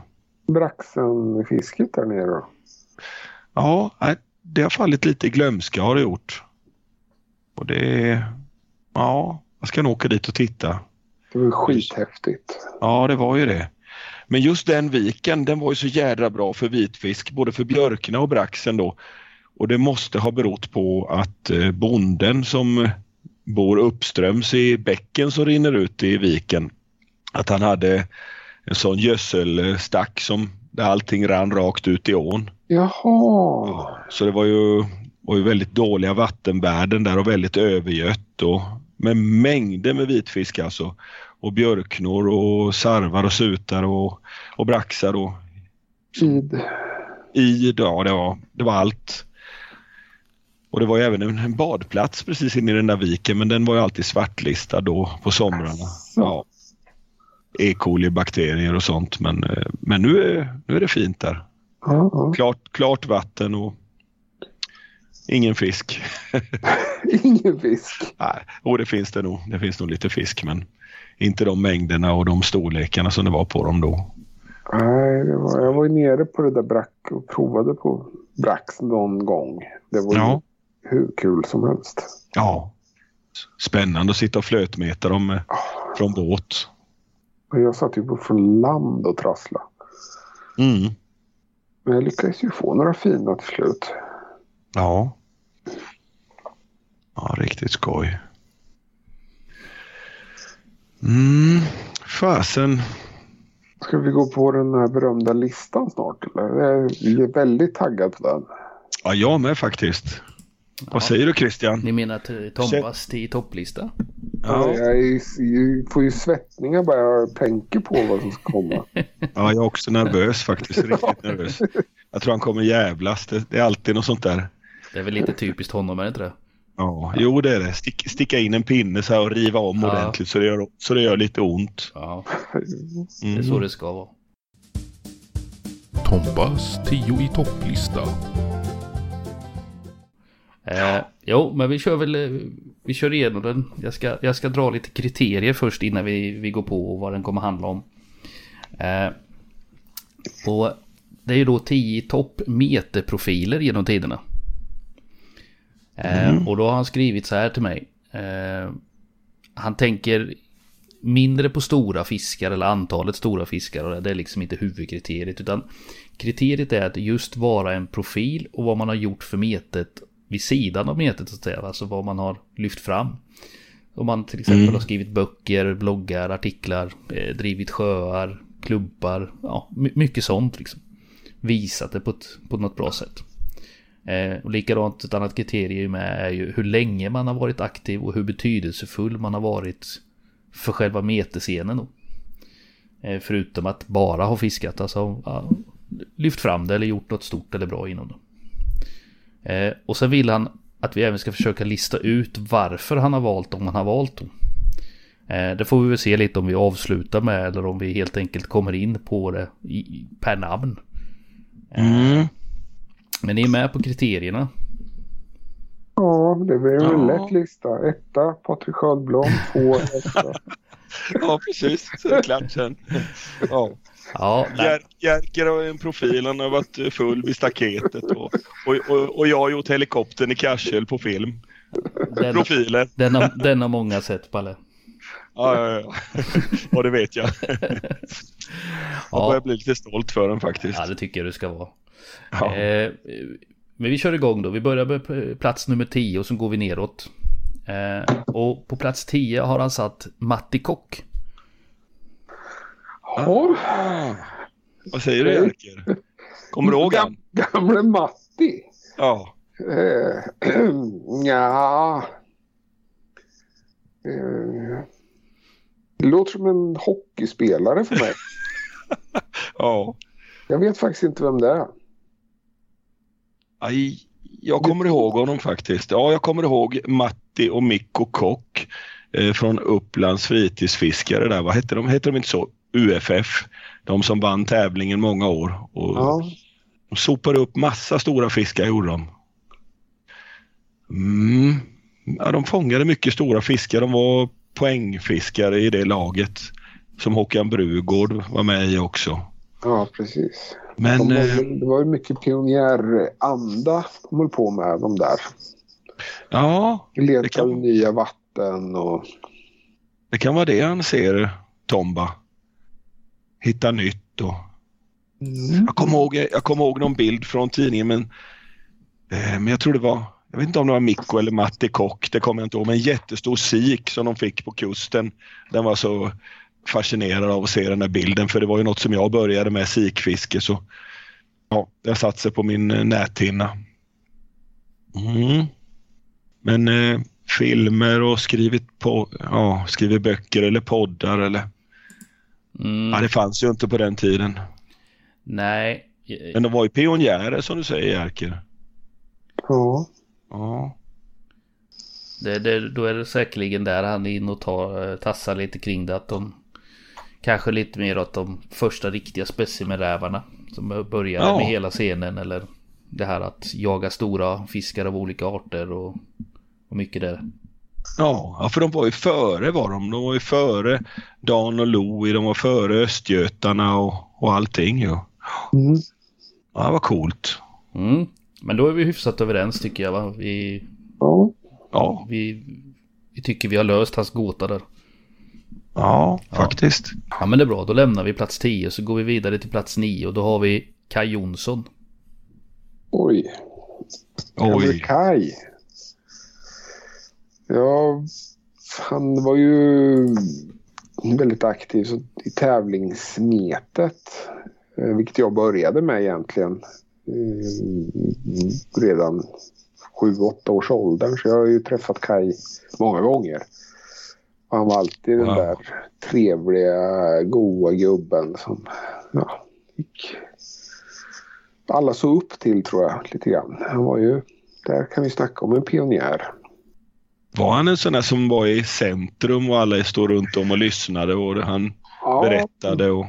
Ja, fast han var ju väldigt, som jag minns det så var han ju väldigt ödmjuk och tillbaka liksom Ja, en väldigt trevlig person. Eh, och väldigt kunnig. ja, Kommer du ihåg han berättade om eh, det här Öring-projektet de hade i Åsunden. Han brann för det där och han berättade om lekgropar och Mhm. jaga avelsfisk och höll på. Han var en fascinerande person. ja, han verkade ha brunnit ordentligt för fisket alltså. Och allt fiske kändes det som. Ja, Det var ju liksom pimpel och det var specimen och... Fantastisk tävlingspimplare. Ja. Och var duktig på att pimpla stor abborre också tydligen. Mm. Med sina speciella spön som... Ja, precis. Mm. Och sen var ju, körde han ju ihop med Arne Broman också så han figurerar ju i, i hans berättelse mycket om när de fiskade mal, det här malfisket de hade i Emån. Det var ju fascinerande tyckte jag. Det var någon eh, artikel om det och sen har jag läst om det i en av Arne Bromans böcker också. Ja. Ja, mäktigt. Ja, Jag fick aldrig träffa Kaj Jonsson. Jag hoppades alltid när jag åkte ut och fiskade sik i Figgeholm när jag var, cyklade dit eller blev utskjutsad att kanske är Kaj Jonsson där. Det hade varit roligt att träffa. För Ja. Man, ja, verkar ha varit en förebild för många. Jo, det var han ju. För mig Håkan var det ju inom tävlingsfisket. Eh, sådär. De, nej, de brann ju för det också. Ungdomsverksamhet och Ja, ja, nej. Det var som du sa Håkan Fransson. ja skulle precis säga det. Det känns som att han, Håkan Fransson, Per Lundgren, Jyrki Niskala, Otto Strid, alla de här eh, var som barn under Kaj på något vis på den där tiden. Lärjungar. Ja, Ja, Ja, det är inte det sämsta. nej. Ja, ja, han trodde jag skulle komma högre i så fall nu när jag börjar tänka efter. här, Alltså. Mm, jag också. Jag Ja, det är nu ni börjar bli nervösa. Nu blir vi stressade. ja, för fasen. Ja, nej men jag, jag tänker att där, eh, där har vi nog listat ut även varför han har valt honom. Det, Kai har ju gjort jättemycket. Ja, Eh, Men vi hoppar då vidare till plats nummer åtta. Och då har vi Dan. Dellefjord. Dellefjord ja. Ja. Mm, Då har jag bara träffat en gång. mm, på Öland. Det var ju en upplevelse. Mm. Satt jämte då. Ja. Han var väl lite idol sådär för när vi började då. Alla de där var ju, det var ju de man läste om. I fiskepressen om Specimen-tävlingen och det där. mm.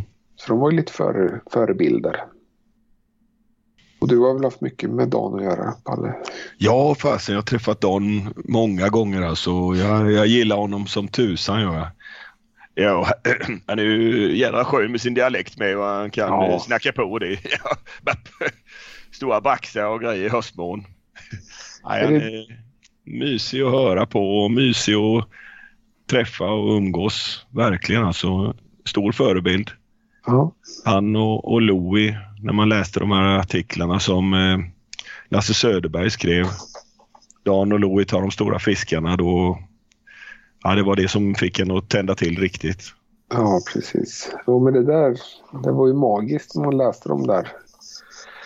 De var ju lite så här som spöken kändes det som. Ja, Så tog det lite längre än alla andra. och som eh, Tomba säger då om när det gäller att hålla på länge, det har han verkligen gjort alltså. Ja, Det finns väl knappt någon eh, idag som har hållit på så länge som Dan har gjort. Fast han har väl kanske trappat ner på det intensiva specimenfisket själv på senare år och det är mera hans fru då Mona som, som kör Ja. lite hårdare. Jag har, frågat honom, jag har frågat honom om det där men han säger så här, "Nej, jag är nöjd med att komma ut. Det är skönt att komma ut, dricka lite kaffe och det. Jävlar. ja. Sen är, har han väl eh, specimenkuppen också? Är det inte han som ansvarar för den? Jo, Den tävlingen. Den är ju lite vid sidan av svenskan men det är ju någon eh, specimenkuppen som jag, ja visst tusan är det han som har den. Jo det är det. Absolut, Ja. absolut. Den startade han och den har han drivit eh, från början till slut och ja, och den håller på fortfarande idag. Och sen tog han ju över småländska specimentävlingen och drev den i Ja, det var nog minst tio år som, som Dan det, drev den tävlingen. Eh, Så han har verkligen bidragit mycket har han gjort. Mm. Riktigt mycket till utvecklingen av specimenfisket. Ja, Ja. Skön person, en riktig profil. en, eh, han, han platsar på listan helt enkelt. Ja, det gör han. Jo, det får man väl säga. Ja, absolut. Ja. Eh, vi hoppar vidare då till plats nummer sju. Och där har vi Leif Andersson. Mm. Life. Ja, han är ju också en gammal legend. Härsjön och... Lantmän, lantmännen overall, tänker jag på. Ja, jag med. Ja. Men något märke så här på, något märke på bröstkorgen. Vad var det för något? Alfa Laval.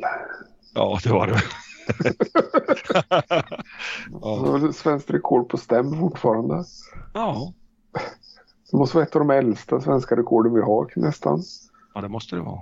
Från, var, det, var den från Varnan? Ja, Och så den grymma braxen då som eh, 6-2, nej, jag ska- ja, det var 75? 75? ja, 25 gram var det från rekordet. Ja, det var det. Ja, Frågan ja för, för det- rekordet var Roger Nilsson Genarp 6 och 3. Så då var den på 6,275. Stämmer. Om du säger att det var 25 gram ifrån. Coolt. frågade Leif om det där en gång när vi var i Ballasjön och fiska. Mm. Sa det att ja, fan, du var väldigt nära att slå re- braxrekordet där på Herrsjötiden. Nära och nära, det är väl relativt, sa han bara. Ja. Och du har träffat honom då? Ja, det har jag gjort. Jag har så- inte gjort det. Är han en skön filur eller? En profil? Ja, det, han är en profil. Ja. Eh, får man väl säga. Han har ju skapat Ballasjön va? Mm. Kan man väl säga att det är han som har gjort det? Helt Han- och hållet? Jajamän. Mm. Det, det är hans lilla barn. Ja. Eh, Så han är absolut en, en gammal profil från specimenfiskets början. ja. Fina biten, visst var det så? Mm, Ja. Han var med i Fina biten ja. det var han. Det var nog det det stod på overallen. Ja, det var det säkert. Ja. ja fy fan. Nej, men han är trevlig. Fiskade du i overall också Jerker eller? Flytoverall. Flytoverall? Nej, men vi hade nog... Jo, jag hade ju någon blå jävla Brax pyjamas vet du. Det var ju så här. Ja, så jag med. Mm. Hade Ja, just det. Jag köpte en sån grön. Hade jag. Det, det kändes specimen. Fast den var inte sådär specimen-grön utan den var mera grön. Grön. Grön. Grön, grön ja. ja. Riktigt fulgrön. Gräsgrön. Ja, just det. Åh, gud vad snygga de var. Ja, herregud. Jag hade alla mina i plast i ICA-kassar. Jag gick runt och fiskade. Jag fick så jävla mycket skäll för det där. Jag hade allt packat i plastpåsar. Ja, vad gott. Så Fast det, jag, jag ska inte sitta och skratta för det är många kompisar som skulle, som skulle säga att jag gör det fortfarande idag. Ja, Jag drar med mig en eh, påse ibland när jag ska ut på något litet smidigt pass bara. ja, det gör det. Det, det händer faktiskt. Mm. ja. Ja, Ja, en profil säger vi. ja, absolut. ja, ja han- han har väl gjort mycket och gör fortfarande mycket med sin sjö och sådär. Så det är väl Ja. absolut. Ja. Eh, men vi går vidare. Vi hoppar till plats nummer sex då. Och då har vi Ålåke. Åke Madsen hette han va? Eller hette, heter Ja. rättare sagt. Ja. Men han är ju inte så, så aktiv längre som han var. För Nej. Nej. 80-talets... Jag, kan ju berätta att eh, jag är lite stalker på eh, Åke Madsen. Jag googlade honom faktiskt här om veckan. Jag tänkte så här, Jaha. var, fan bor han tänkte jag. Bor han i Skutskär som han gjorde förr? Eller vad? Men eh, det visade sig att han bodde i Gävle någonstans där. Så fick jag fram. Skutskär. Ja, han var, han var väl från Åke Madsen, Där Skutskär. mm, höll han ju på och rev runt mycket med ålarna. Ja. Ja, gud vad han eh, har fångat mycket stor ål alltså. Och han var Han var steget så- före på något sätt. Mm. Otroligt nischad. Från Ja. vad man vet så, vad jag vet så fiskar han ju bara ål. ja, jag har aldrig hört att han har fiskat någonting annat heller. Nej, inte jag heller. Jag kommer ihåg, var det, var det John B. Eriksson som gjorde en intervju med honom i någon, om det var någon fisketidning eller vad det kan ha varit för någonting. Jag kommer faktiskt inte ihåg riktigt men det är väl ungefär det senaste man hörde någonting om honom. Det måste ju ha varit, Ja. det är många år sedan han gjorde det tror jag. Eh, han fiskar ju fortfarande lite då men han, eh, han krockade väl med en älg va? Och fick eh, problem med nacken eller något sånt där så han kunde inte fiska så mycket längre. Aha. Så det var därför han eh, fick eh, lägga av lite av, av det här. Men eh, jag kommer ihåg, kommer ihåg det där artikeln. Den ha varit väldigt väl. För han sa alltid som att uh, hade han... Uh, finns det typ ett liv efter detta så hoppas han att han skulle kunna komma tillbaka som frisk så han kunde satsa igen. För han tyckte det var så jävla roligt. Så han, uh, hade han aldrig Ja. smält med den här helgen så hade han garanterat bara fortsatt liksom. Ja. Men... Uh, Ja, vil, Ja. vilket vad coolt alltså, vilket driv. mm, Och så svenskt rekord och det håller sig än idag. Det är också ett av de äldsta Ja. Mm. rekorden. fan så var det på Men- 3 och 7 någonting va? Ja. Varför, det är ett rekord som jag tycker är så ofattbart konstigt. För det finns ju med fyra, eller har ju, och finns säkert fortfarande, mängder med ålar över fyra kilo i Sverige. Ja, Aldrig någon har lyckats få någon. Nej. Eh, ja det är märkligt. Jag har också hört så här hur det fångas i dammar och ålkister och grejer. Ja, vi fick på fyra och ett halvt och fem Ja. kilo. Lejan det- håvade ju en i, nedanför Vågforsen i staketet typ. Och som, jag vet inte om den var, saknade någon del men den vägde ju över fyra. Hade gått igenom turbinerna, kom drivande. Just det. Det är inte så många år sedan. Nej. Nej, det finns ju riktiga boaormar alltså. Men sen ska de ju landas också. Mm. Ja. Men hade han Man kan ju fundera på om man har varit i någon sån där brutit som har, man har förlorat mot. För det har ju hänt. Ja. Ja, det är jobbigt att tänka tillbaka på.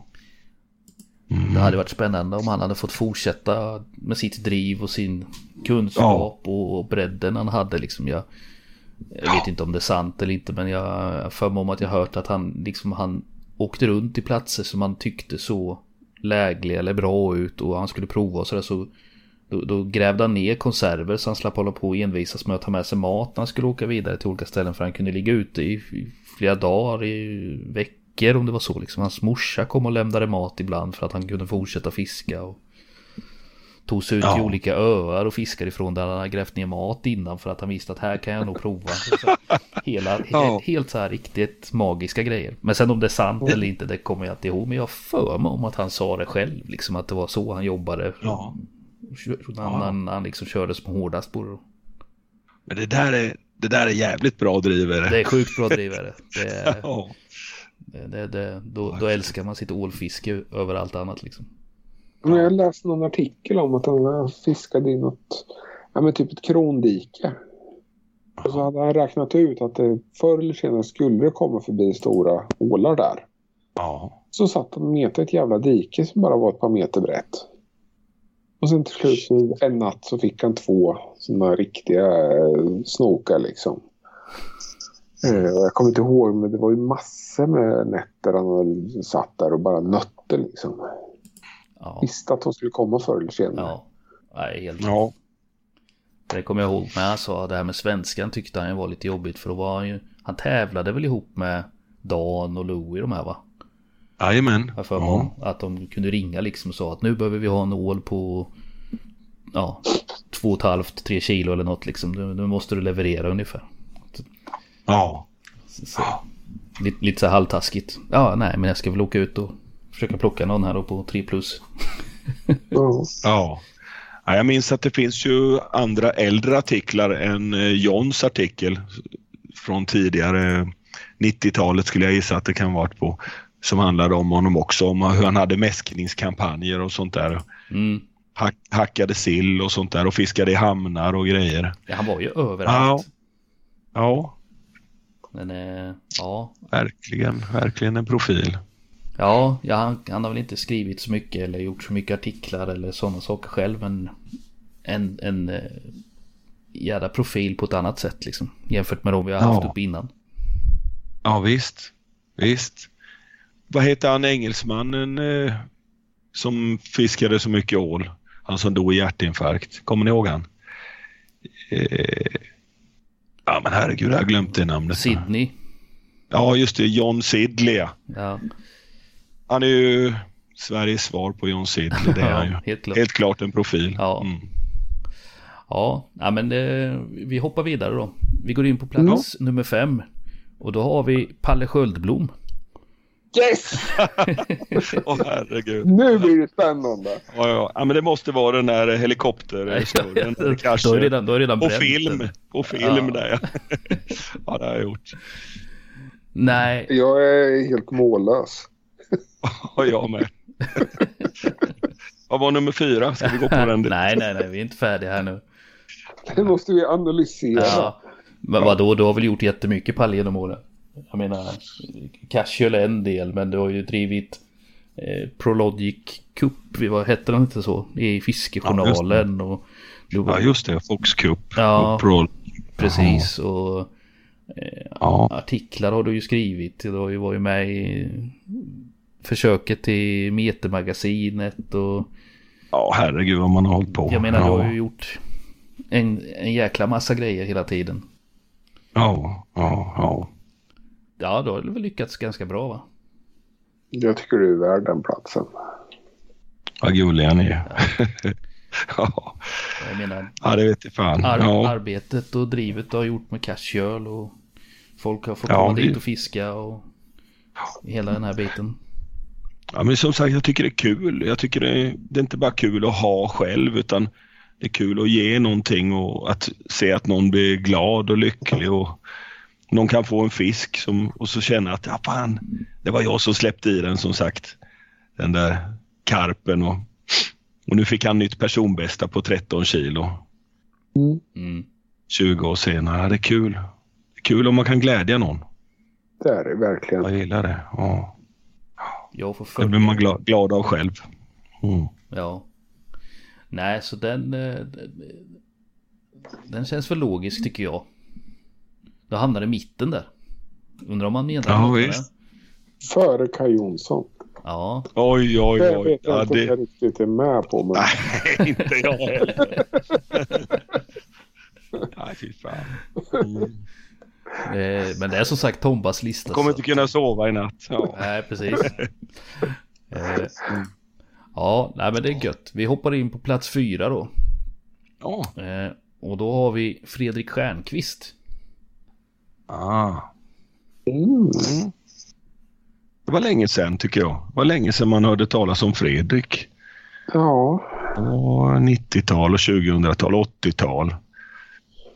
Pionjär där lite i karpfiske runt eh, Vittsjön va? Mycket fiske. Ja, Med Rickard Jag tänkte Bengtsson. han Och, fiskade mycket med Rickard Bengtsson och de gjorde han inte det? ja. Han var med och hittade Antorpa. ja, det var han. Han var med där. Han fiskade ju mycket med Niklas. Ja. Löddeå också. Lödde. Mm. Skrivit mycket artiklar också va? För Ja. fiske, vad heter den tidningen? Fiske- Fiske för alla. Fiskefeber. Fiskefeber. Ja, han var väl Ja. chefsredaktör för, för, Ja, Fiskefeber till och med. Var han inte det? Många år. Jo, det var han. Ja, det stämmer. Det är stort. Eh, Det, det, det är profilpoäng ha- på det. hade han svenskt rekord på gräskarp? Var det han? Ja, det tror jag med. Jag förmån där va? Ja, svårt att komma ihåg vikten där men Ja, det var ti- tidigt var det ja, va? det var ju någon av de första där. eh, Han sitter med någon keps på Ja, bilden. Men hade inte han rekordet? Hulken? Ja, kanske han hade med. det, det, han- det vet jag faktiskt inte men. Fick inte han den? Mm. Jag vet, han var ju med när de fick den. Det var Graberg och han... Nej, jag ska inte Mm. svära på det. Ja. Hulken, Men, heter den så? Ja. Var det en, en, en tidig rekordskjutare i Antorpa som hette Hulken eller? Mm, det var ju den som... Bubblan hette ju någon sen ju. Ola Esbjörnsson var ju sist att få den. Han hade ju rekordet ganska länge innan det blev Bubblan. Ja, ja, ja, just det. Hulken och Bubblan. Den vägde ju... Ola fick det ju på över fem. Ja, just det. Det vet jag. Mm. Det var väl den första riktiga tungviktaren. Ja. Häftigt. Ja, Ja. ja men Stjernqvist Kvist är en bra profil. Mm. Helt klart. Mm. Har du haft något svenskt rekord, Palle? Nej, jag har inte haft det. Jag har varit nära på att vimma 1186 och då tror jag det var 1250 rekordet. Och sen har jag haft på tre Färna då på 3360 och då var rekordet 3440. Ja, just det. Ja. Det är väl det närmsta jag varit då. Mm. Ja. Jag tänkte om det var något gemensamt. Ja. Nej, där, är- där har jag att jobba på alltså. Det kommer. Ja, det gör det.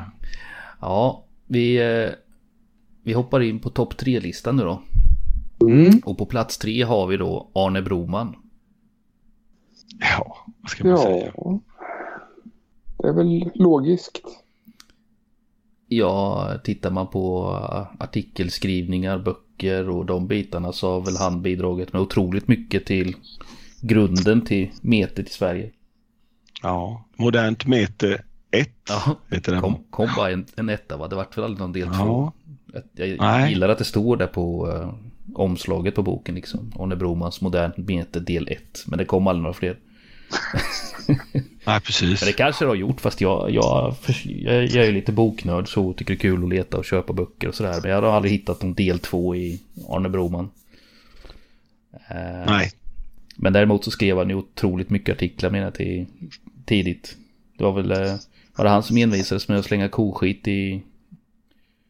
Ja, det var han och Kai. Ja, det var väl någon artikel Ja. där. Sen började alla kasta koskit överallt sen. Ja. ja. Ja mycket, mycket artiklar har han haft i, i fisketidningarna i Sverige här om, om mete, specimenfiske, tävlingsfiske, modernt mete. Ja. Mm. Väldigt mångsidig. ja.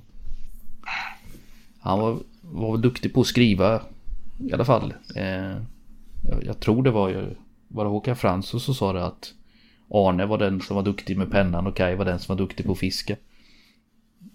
Ja.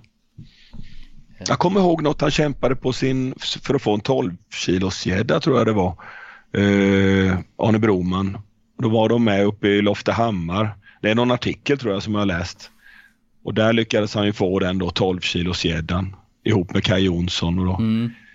det här gänget. Ja, de fiskar väl mycket ihop att- Ja, eh, han var ju också med på det där ja, malprojektet Ja, de hade där och, och det är han som har skrivit artiklarna kring det här. det måste vara tidigt 80-tal va? Ja, Skulle jag tro, de artiklarna dök upp. ja, kan det vara. Jag har några, ett par böcker hemma. Öringen i Kvarnhöljan tror jag en heter. Men det är mycket mete i den också. Mm. Hoppa över alla sådana öringartiklar. Och. Gäller att välja det som är väsentligt. Ja. precis. Ja, ja, men han brann ju för det verkligen. ja, Han är eh, med specimenfiskets fader. ja det är ju många som säger det.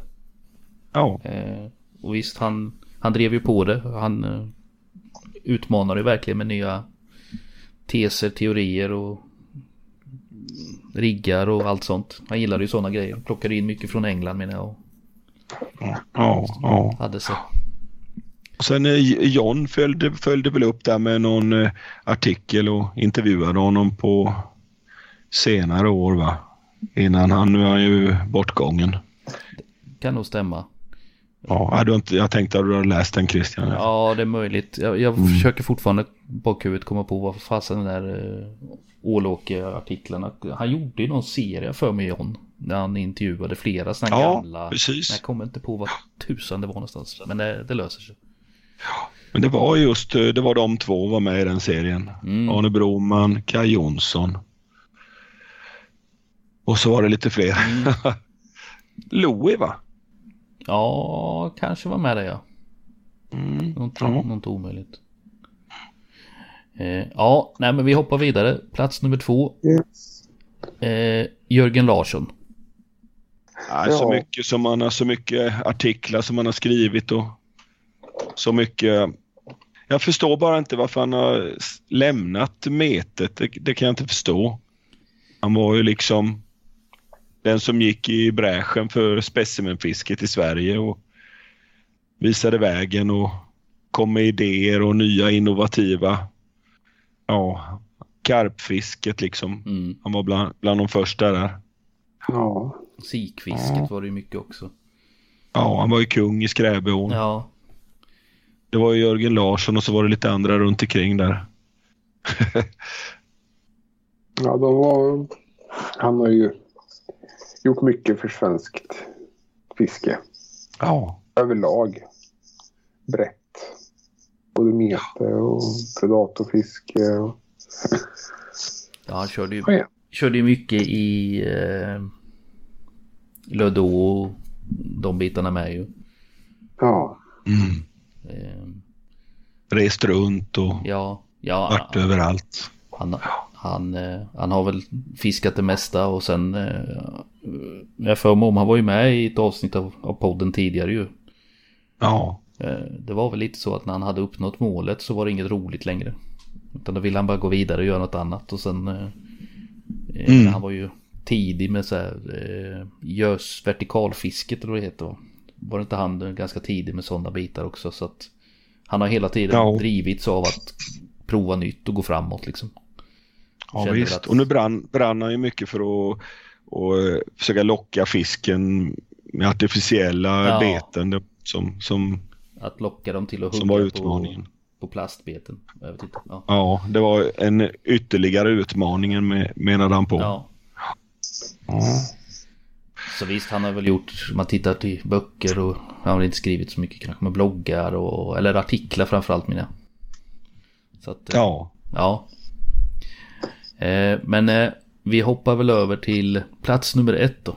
Och jag, Nummer ett Ska alltså. vi gissa? jag eller? tänkte ju säga Ja, det, jag tror att ni kan lista ut den här. Palle borde kunna göra det om inte annat som känner Tomba rätt så väl. Men ni får gissa. Ja, Dra till med... ja, ja, ja, jag vet vem det är. ja, jag vet vem det är. Ja. Jag vet inte vem det är. Nej. Fan vad duktig du är Men-. Ja, men det är bara för att jag känner Tomba. Du får säga du det då. dopad? Säg det Ja, då. men det, det Plats nummer ett har vi Louis Rasmussen Jajamän. från Nybro. mm. Det stämmer så bra så. Eh, Han är en profil är han. Det kan jag hålla med om. Och jag har lyssnat på Tomba, vad han säger och, och det, verkligen, jag, han är en stor profil. Han har varit med från början. Han har drivit sin blogg. Han har verkligen bjudit på sig själv. Skrivit två böcker, va? en om gädda, ja, en om karpfiske. Och så har han de här två gädd- gäddbloggen där. Vad heter den? eh, Pre- Predator, Predator, eh, ja. någonting. Och sen, och sen har han sin karpblogg också. Och det är bara sånt, eh, bjuder på tips och så här ska du göra och liksom. Ja, verkligen. Ja, och sen är han väl en, en profil som person med. Ja, det är han. Får man väl ändå ge honom. Jag har aldrig träffat honom men jag har förstått att han ska vara ganska färgstark. Ja, det är han. Mm. Ja, vi har varit en sväng. eh, Vi åkte på karpmässa i Svolle i Holland. Då var vi och hämtade upp han i Nybro där och sen drog vi till en buss och åkte ner. Ja, skön, skön filur. Ja. Ja, to- Sen fiskat ett pass i, i Linnéasjön med honom också på, efter karp på vintern. Det var Ja. mysigt. ja. ja. Tomba gillar ju den. eh, Det är ju hans idol inom metet. De, eh, de gjorde väl någon hyllningslåt till, till Louis, gjorde de inte det? På någon platta sådär Jo. på 90-talet eller något liknande kanske. Ja, precis. Det var ju En låt till Ro- Lo Rasmussen. en hyllningslåt. Nej. Och jag, jag har väl sagt det förut, jag, när jag var i 14-årsåldern där så skrev jag brev till Lo Rasmussen också. Ställde frågor och sånt där. Man var ju fascinerad och frågade om Sågdammen och Kölbydammen och, och de här. Man var sugen på att ge sig iväg på lite sommarturnéer. Och jag, fick, jag fick svar av honom också. Han är verkligen en profil alltså. Ja, verkligen. Mm. Eh, ser vi något samband med dem då? Jag tycker allt hänger ihop utom Palle. Helikopterkillen. Lite lätt röv, rödvinsberusad i karsöl. Lätt rödvinsberusad. Får ju tona ner det Jag har lite. smugit in där på plats fem. Men kan Ja. det vara att de har skrivit artiklar och sånt? Ja. Bjuder på sig själv. Bloggar, artiklar, böcker. Ja. Ja, ja, jag, Filmer också. jag, jag har eh, något sånt där super, super gemensamt ser jag kanske inte riktigt. Och, eh, några driver vatten och man ser typ Leif Andersson och du Palle. Eh, Mm. Arne Broman det- och, och Fredrik Stjernqvist. Eh, Där har vi ju mycket artikelskrivningar i tidningar och så vidare. Jörgen Larsson. Eh, Men eh, det kanske är det som är sambandet att han tänker Tomba att alla sticker ut på sitt håll och har sin egen lilla... Ja, ja och det, det var ju artiklar, böcker, bloggar, klubbar, Mm. eh, sjöar och så vidare. Så att eh, han har väl täckt det bra där tycker jag. Och eh, Mm. ja, det är väl en bra lista. Absolut. Han kunde själv ha platsat där Tomba. Och även du Christian satt- och du Jerker. Nej. Satt, satt sig själv på plats ett. Det hade varit Det hade kul. varit ödmjukt. Ja, för fan, det hade varit kul. Ja, men han är kul Tomba, alltså vilka jävla krönikor han skriver och eh, artiklar och han har ett speciellt sätt att skriva. Det är, han är en profil han också. Ja, helt klart. Det är ju... Det får vi ge han. Det är ju... eh, Det är, inte, det är inte lätt att skriva som han skriver. Och få det att och, och bli... Bli som det blir liksom. Nej. Så att eh, han får väl hänga med. Vi säger att Tomba får platsa då på... Han får elfte platsen. Ja. Mm. Petar in honom där så blir Tombas 10 i 11 lista. Ja, absolut.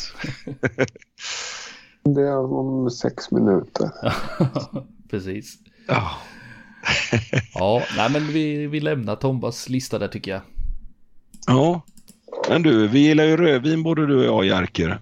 Det gör ju du också Christian, eller hur? Det, det händer. I alla fall när jag är med dig Palle. Ja. Är händer det livets ibland? dryck. Ja, det är ju det. Lite grann så. Ja. Har du några bra tips? Ja, man, man, man blir inte för full och man, man, man blir bara glad. Det bästa tipset jag har är att man får inte dricka för lite. Nej, För då blir man bakfull och mår dåligt. Man måste Ja. dricka mycket rödvin man dricker. ja, Det, det tycker jag är något ni kan ta med er. Så har man öppnat flaskan så dricker man upp den. Absolut. Eller boxen. Ja, ja. ja. Men dricker man för lite då kommer man till det där stadiet att när man kryper in i bibbit och lägger sig i sängen, ja då börjar jorden Ja. snurra, snurra ju. Precis. Och så, Då- man, ja. så drar det iväg en karp i tre och då är man bakfull när man springer ut. Ja, Det är helt värdelöst. det är ett tecken på att man har druckit för lite. Absolut. Man måste dricka mycket rödvin. Ja. Har du några favoritsorter då? Nej, egentligen Nej. inte. Det är bara det är rött. Bara rött ja. Ja. Jag har blivit, dricker mycket jävla simfandel. Mm. På gamla dagar. Det är lättdrucket. Ja. Men annars eh, det är ju Rioja-viner är ju det jag gillar mest. ja, det tycker jag är fantastiskt med. Det, det, det blir aldrig fel. Nej. Sen gillar jag också lite lätta sådana italienska. Eh, Toscana heter någon som är klassisk. Den finns i tetrapack också så det tycker jag är suveränt när man ska ut och fiska karp. För då är det bara att lägga Ja. den på elden. Lättpackat. Ja, precis. Och sen eh, finns en annan Chichu heter den tror jag. Chichu. Shishu. Ja, det är också ett italienskt vin. Jättebra. Det är ungefär som man pratar efter några flaskor. Då Ja. helikoptern kommer igång. Ja, ja precis. Då är det då helikoptern drar igång. Mm. Ja, nej men det är karp, karpfiske och rödvin hänger ihop lite kan jag tycka. Ja, det är Carpi. Ja, men det är det. Vad, vad dricker du ditt vin ur? Det är det? fiskar karp. Ja, Ja, det är väl någon trucker plastmugg. ja jag har en sån också, men den har jag som min, eh, en sån grön stor va? Ja, precis. Ja, den, den har jag till, eh, till gäster. Men själv kör jag i en eh, träkåsa. Det tycker jag smakar bra. Ja, men det är lite fancy alltså. Det är, Ja, det är stil. ja. Det visst. får man ju bonuspoäng för. ja. Det är lite trevligare än plast. Ja, ja det är det. Krille, du kör lite blandade viner. Han brukar alltid komma och... och tre, tre flaskor. Vilken ska vi ta ikväll? Vilken ska vi ta imorgon? Aldrig testat någon. Nej, Nu kör vi. Jag, jag kan ju absolut ingenting om det så jag, jag letar ju Ja. dem, upp de flaskorna som är petflaskor. Så jag vet att de ska hålla. Annars finns det risk att de går sönder. men... Ja, men den är smart är den. Det, det, det är mitt kriterie liksom. Och så gillar jag ju den här där det är en räv på. Den har, Räv? jag tror det var räv. Palle jag drack den någon gång och tyckte det här var gott. Du menar inte den där flaskan jag sa, fy fan det smakar rävgift? va? Kan det ha varit den? kan ha varit den. Ja, Nej, jag har extremt dålig koll på sånt alltså. Det, Ja. det, är bara, bara det, det går drickat liksom. Det är inte så noga. Jag tycker du ska ha pluspoäng. Du har fixat fina viner när vi har varit ute verkligen. Har du gjort. Ja. De har smakat bra. De, de har Mm. varit drickbara i alla fall. Uh, ja. Det får man vara ja. nöjd med. Ja. Det är det viktigaste. Precis. ja, nej men vad säger ni? Ska vi ta kvällen? Det har varit uh, riktigt trevligt där. Ja, Absolut. Det är dags. morgon. det var Ja. jätteroligt att få vara med. Jätteroligt att ha dig med. Vi Verkligen. får verkligen tacka alltså. Absolut. Ja. Och eh, jag hoppas vi kan fiska snart ihop igen. Vi måste det alltså. Det Ja. vore jätteskoj. Ja, jag måste ju ner till Emån och fiska Ja. färna. Det har jag aldrig gjort det och det är fan skämmigt. Ja. Ja, du. Stående inbjudan. Det är bara att Mm. hojta till. Ska vi gå och kika lite? Till våren. Ja. hade varit jäkligt trevligt. Har köpt en. Mm. Du får gärna komma upp och springa runt i leran på Östgötaslätten också. Ja. ja, det finns ett sug efter det faktiskt. Det kan jag erkänna. Det är något speciellt med det. Ja, det är det. klassisk mark. Ja, men det är ju lite så. Mm. Ja, men då tackar vi så mycket. Mm, Jajamän. tack. Tusen tack. Otroligt roligt Tusen att tack. snacka. Ha det bra. Ha det bra Jerker. Vi hörs. Vi hörs. Hej.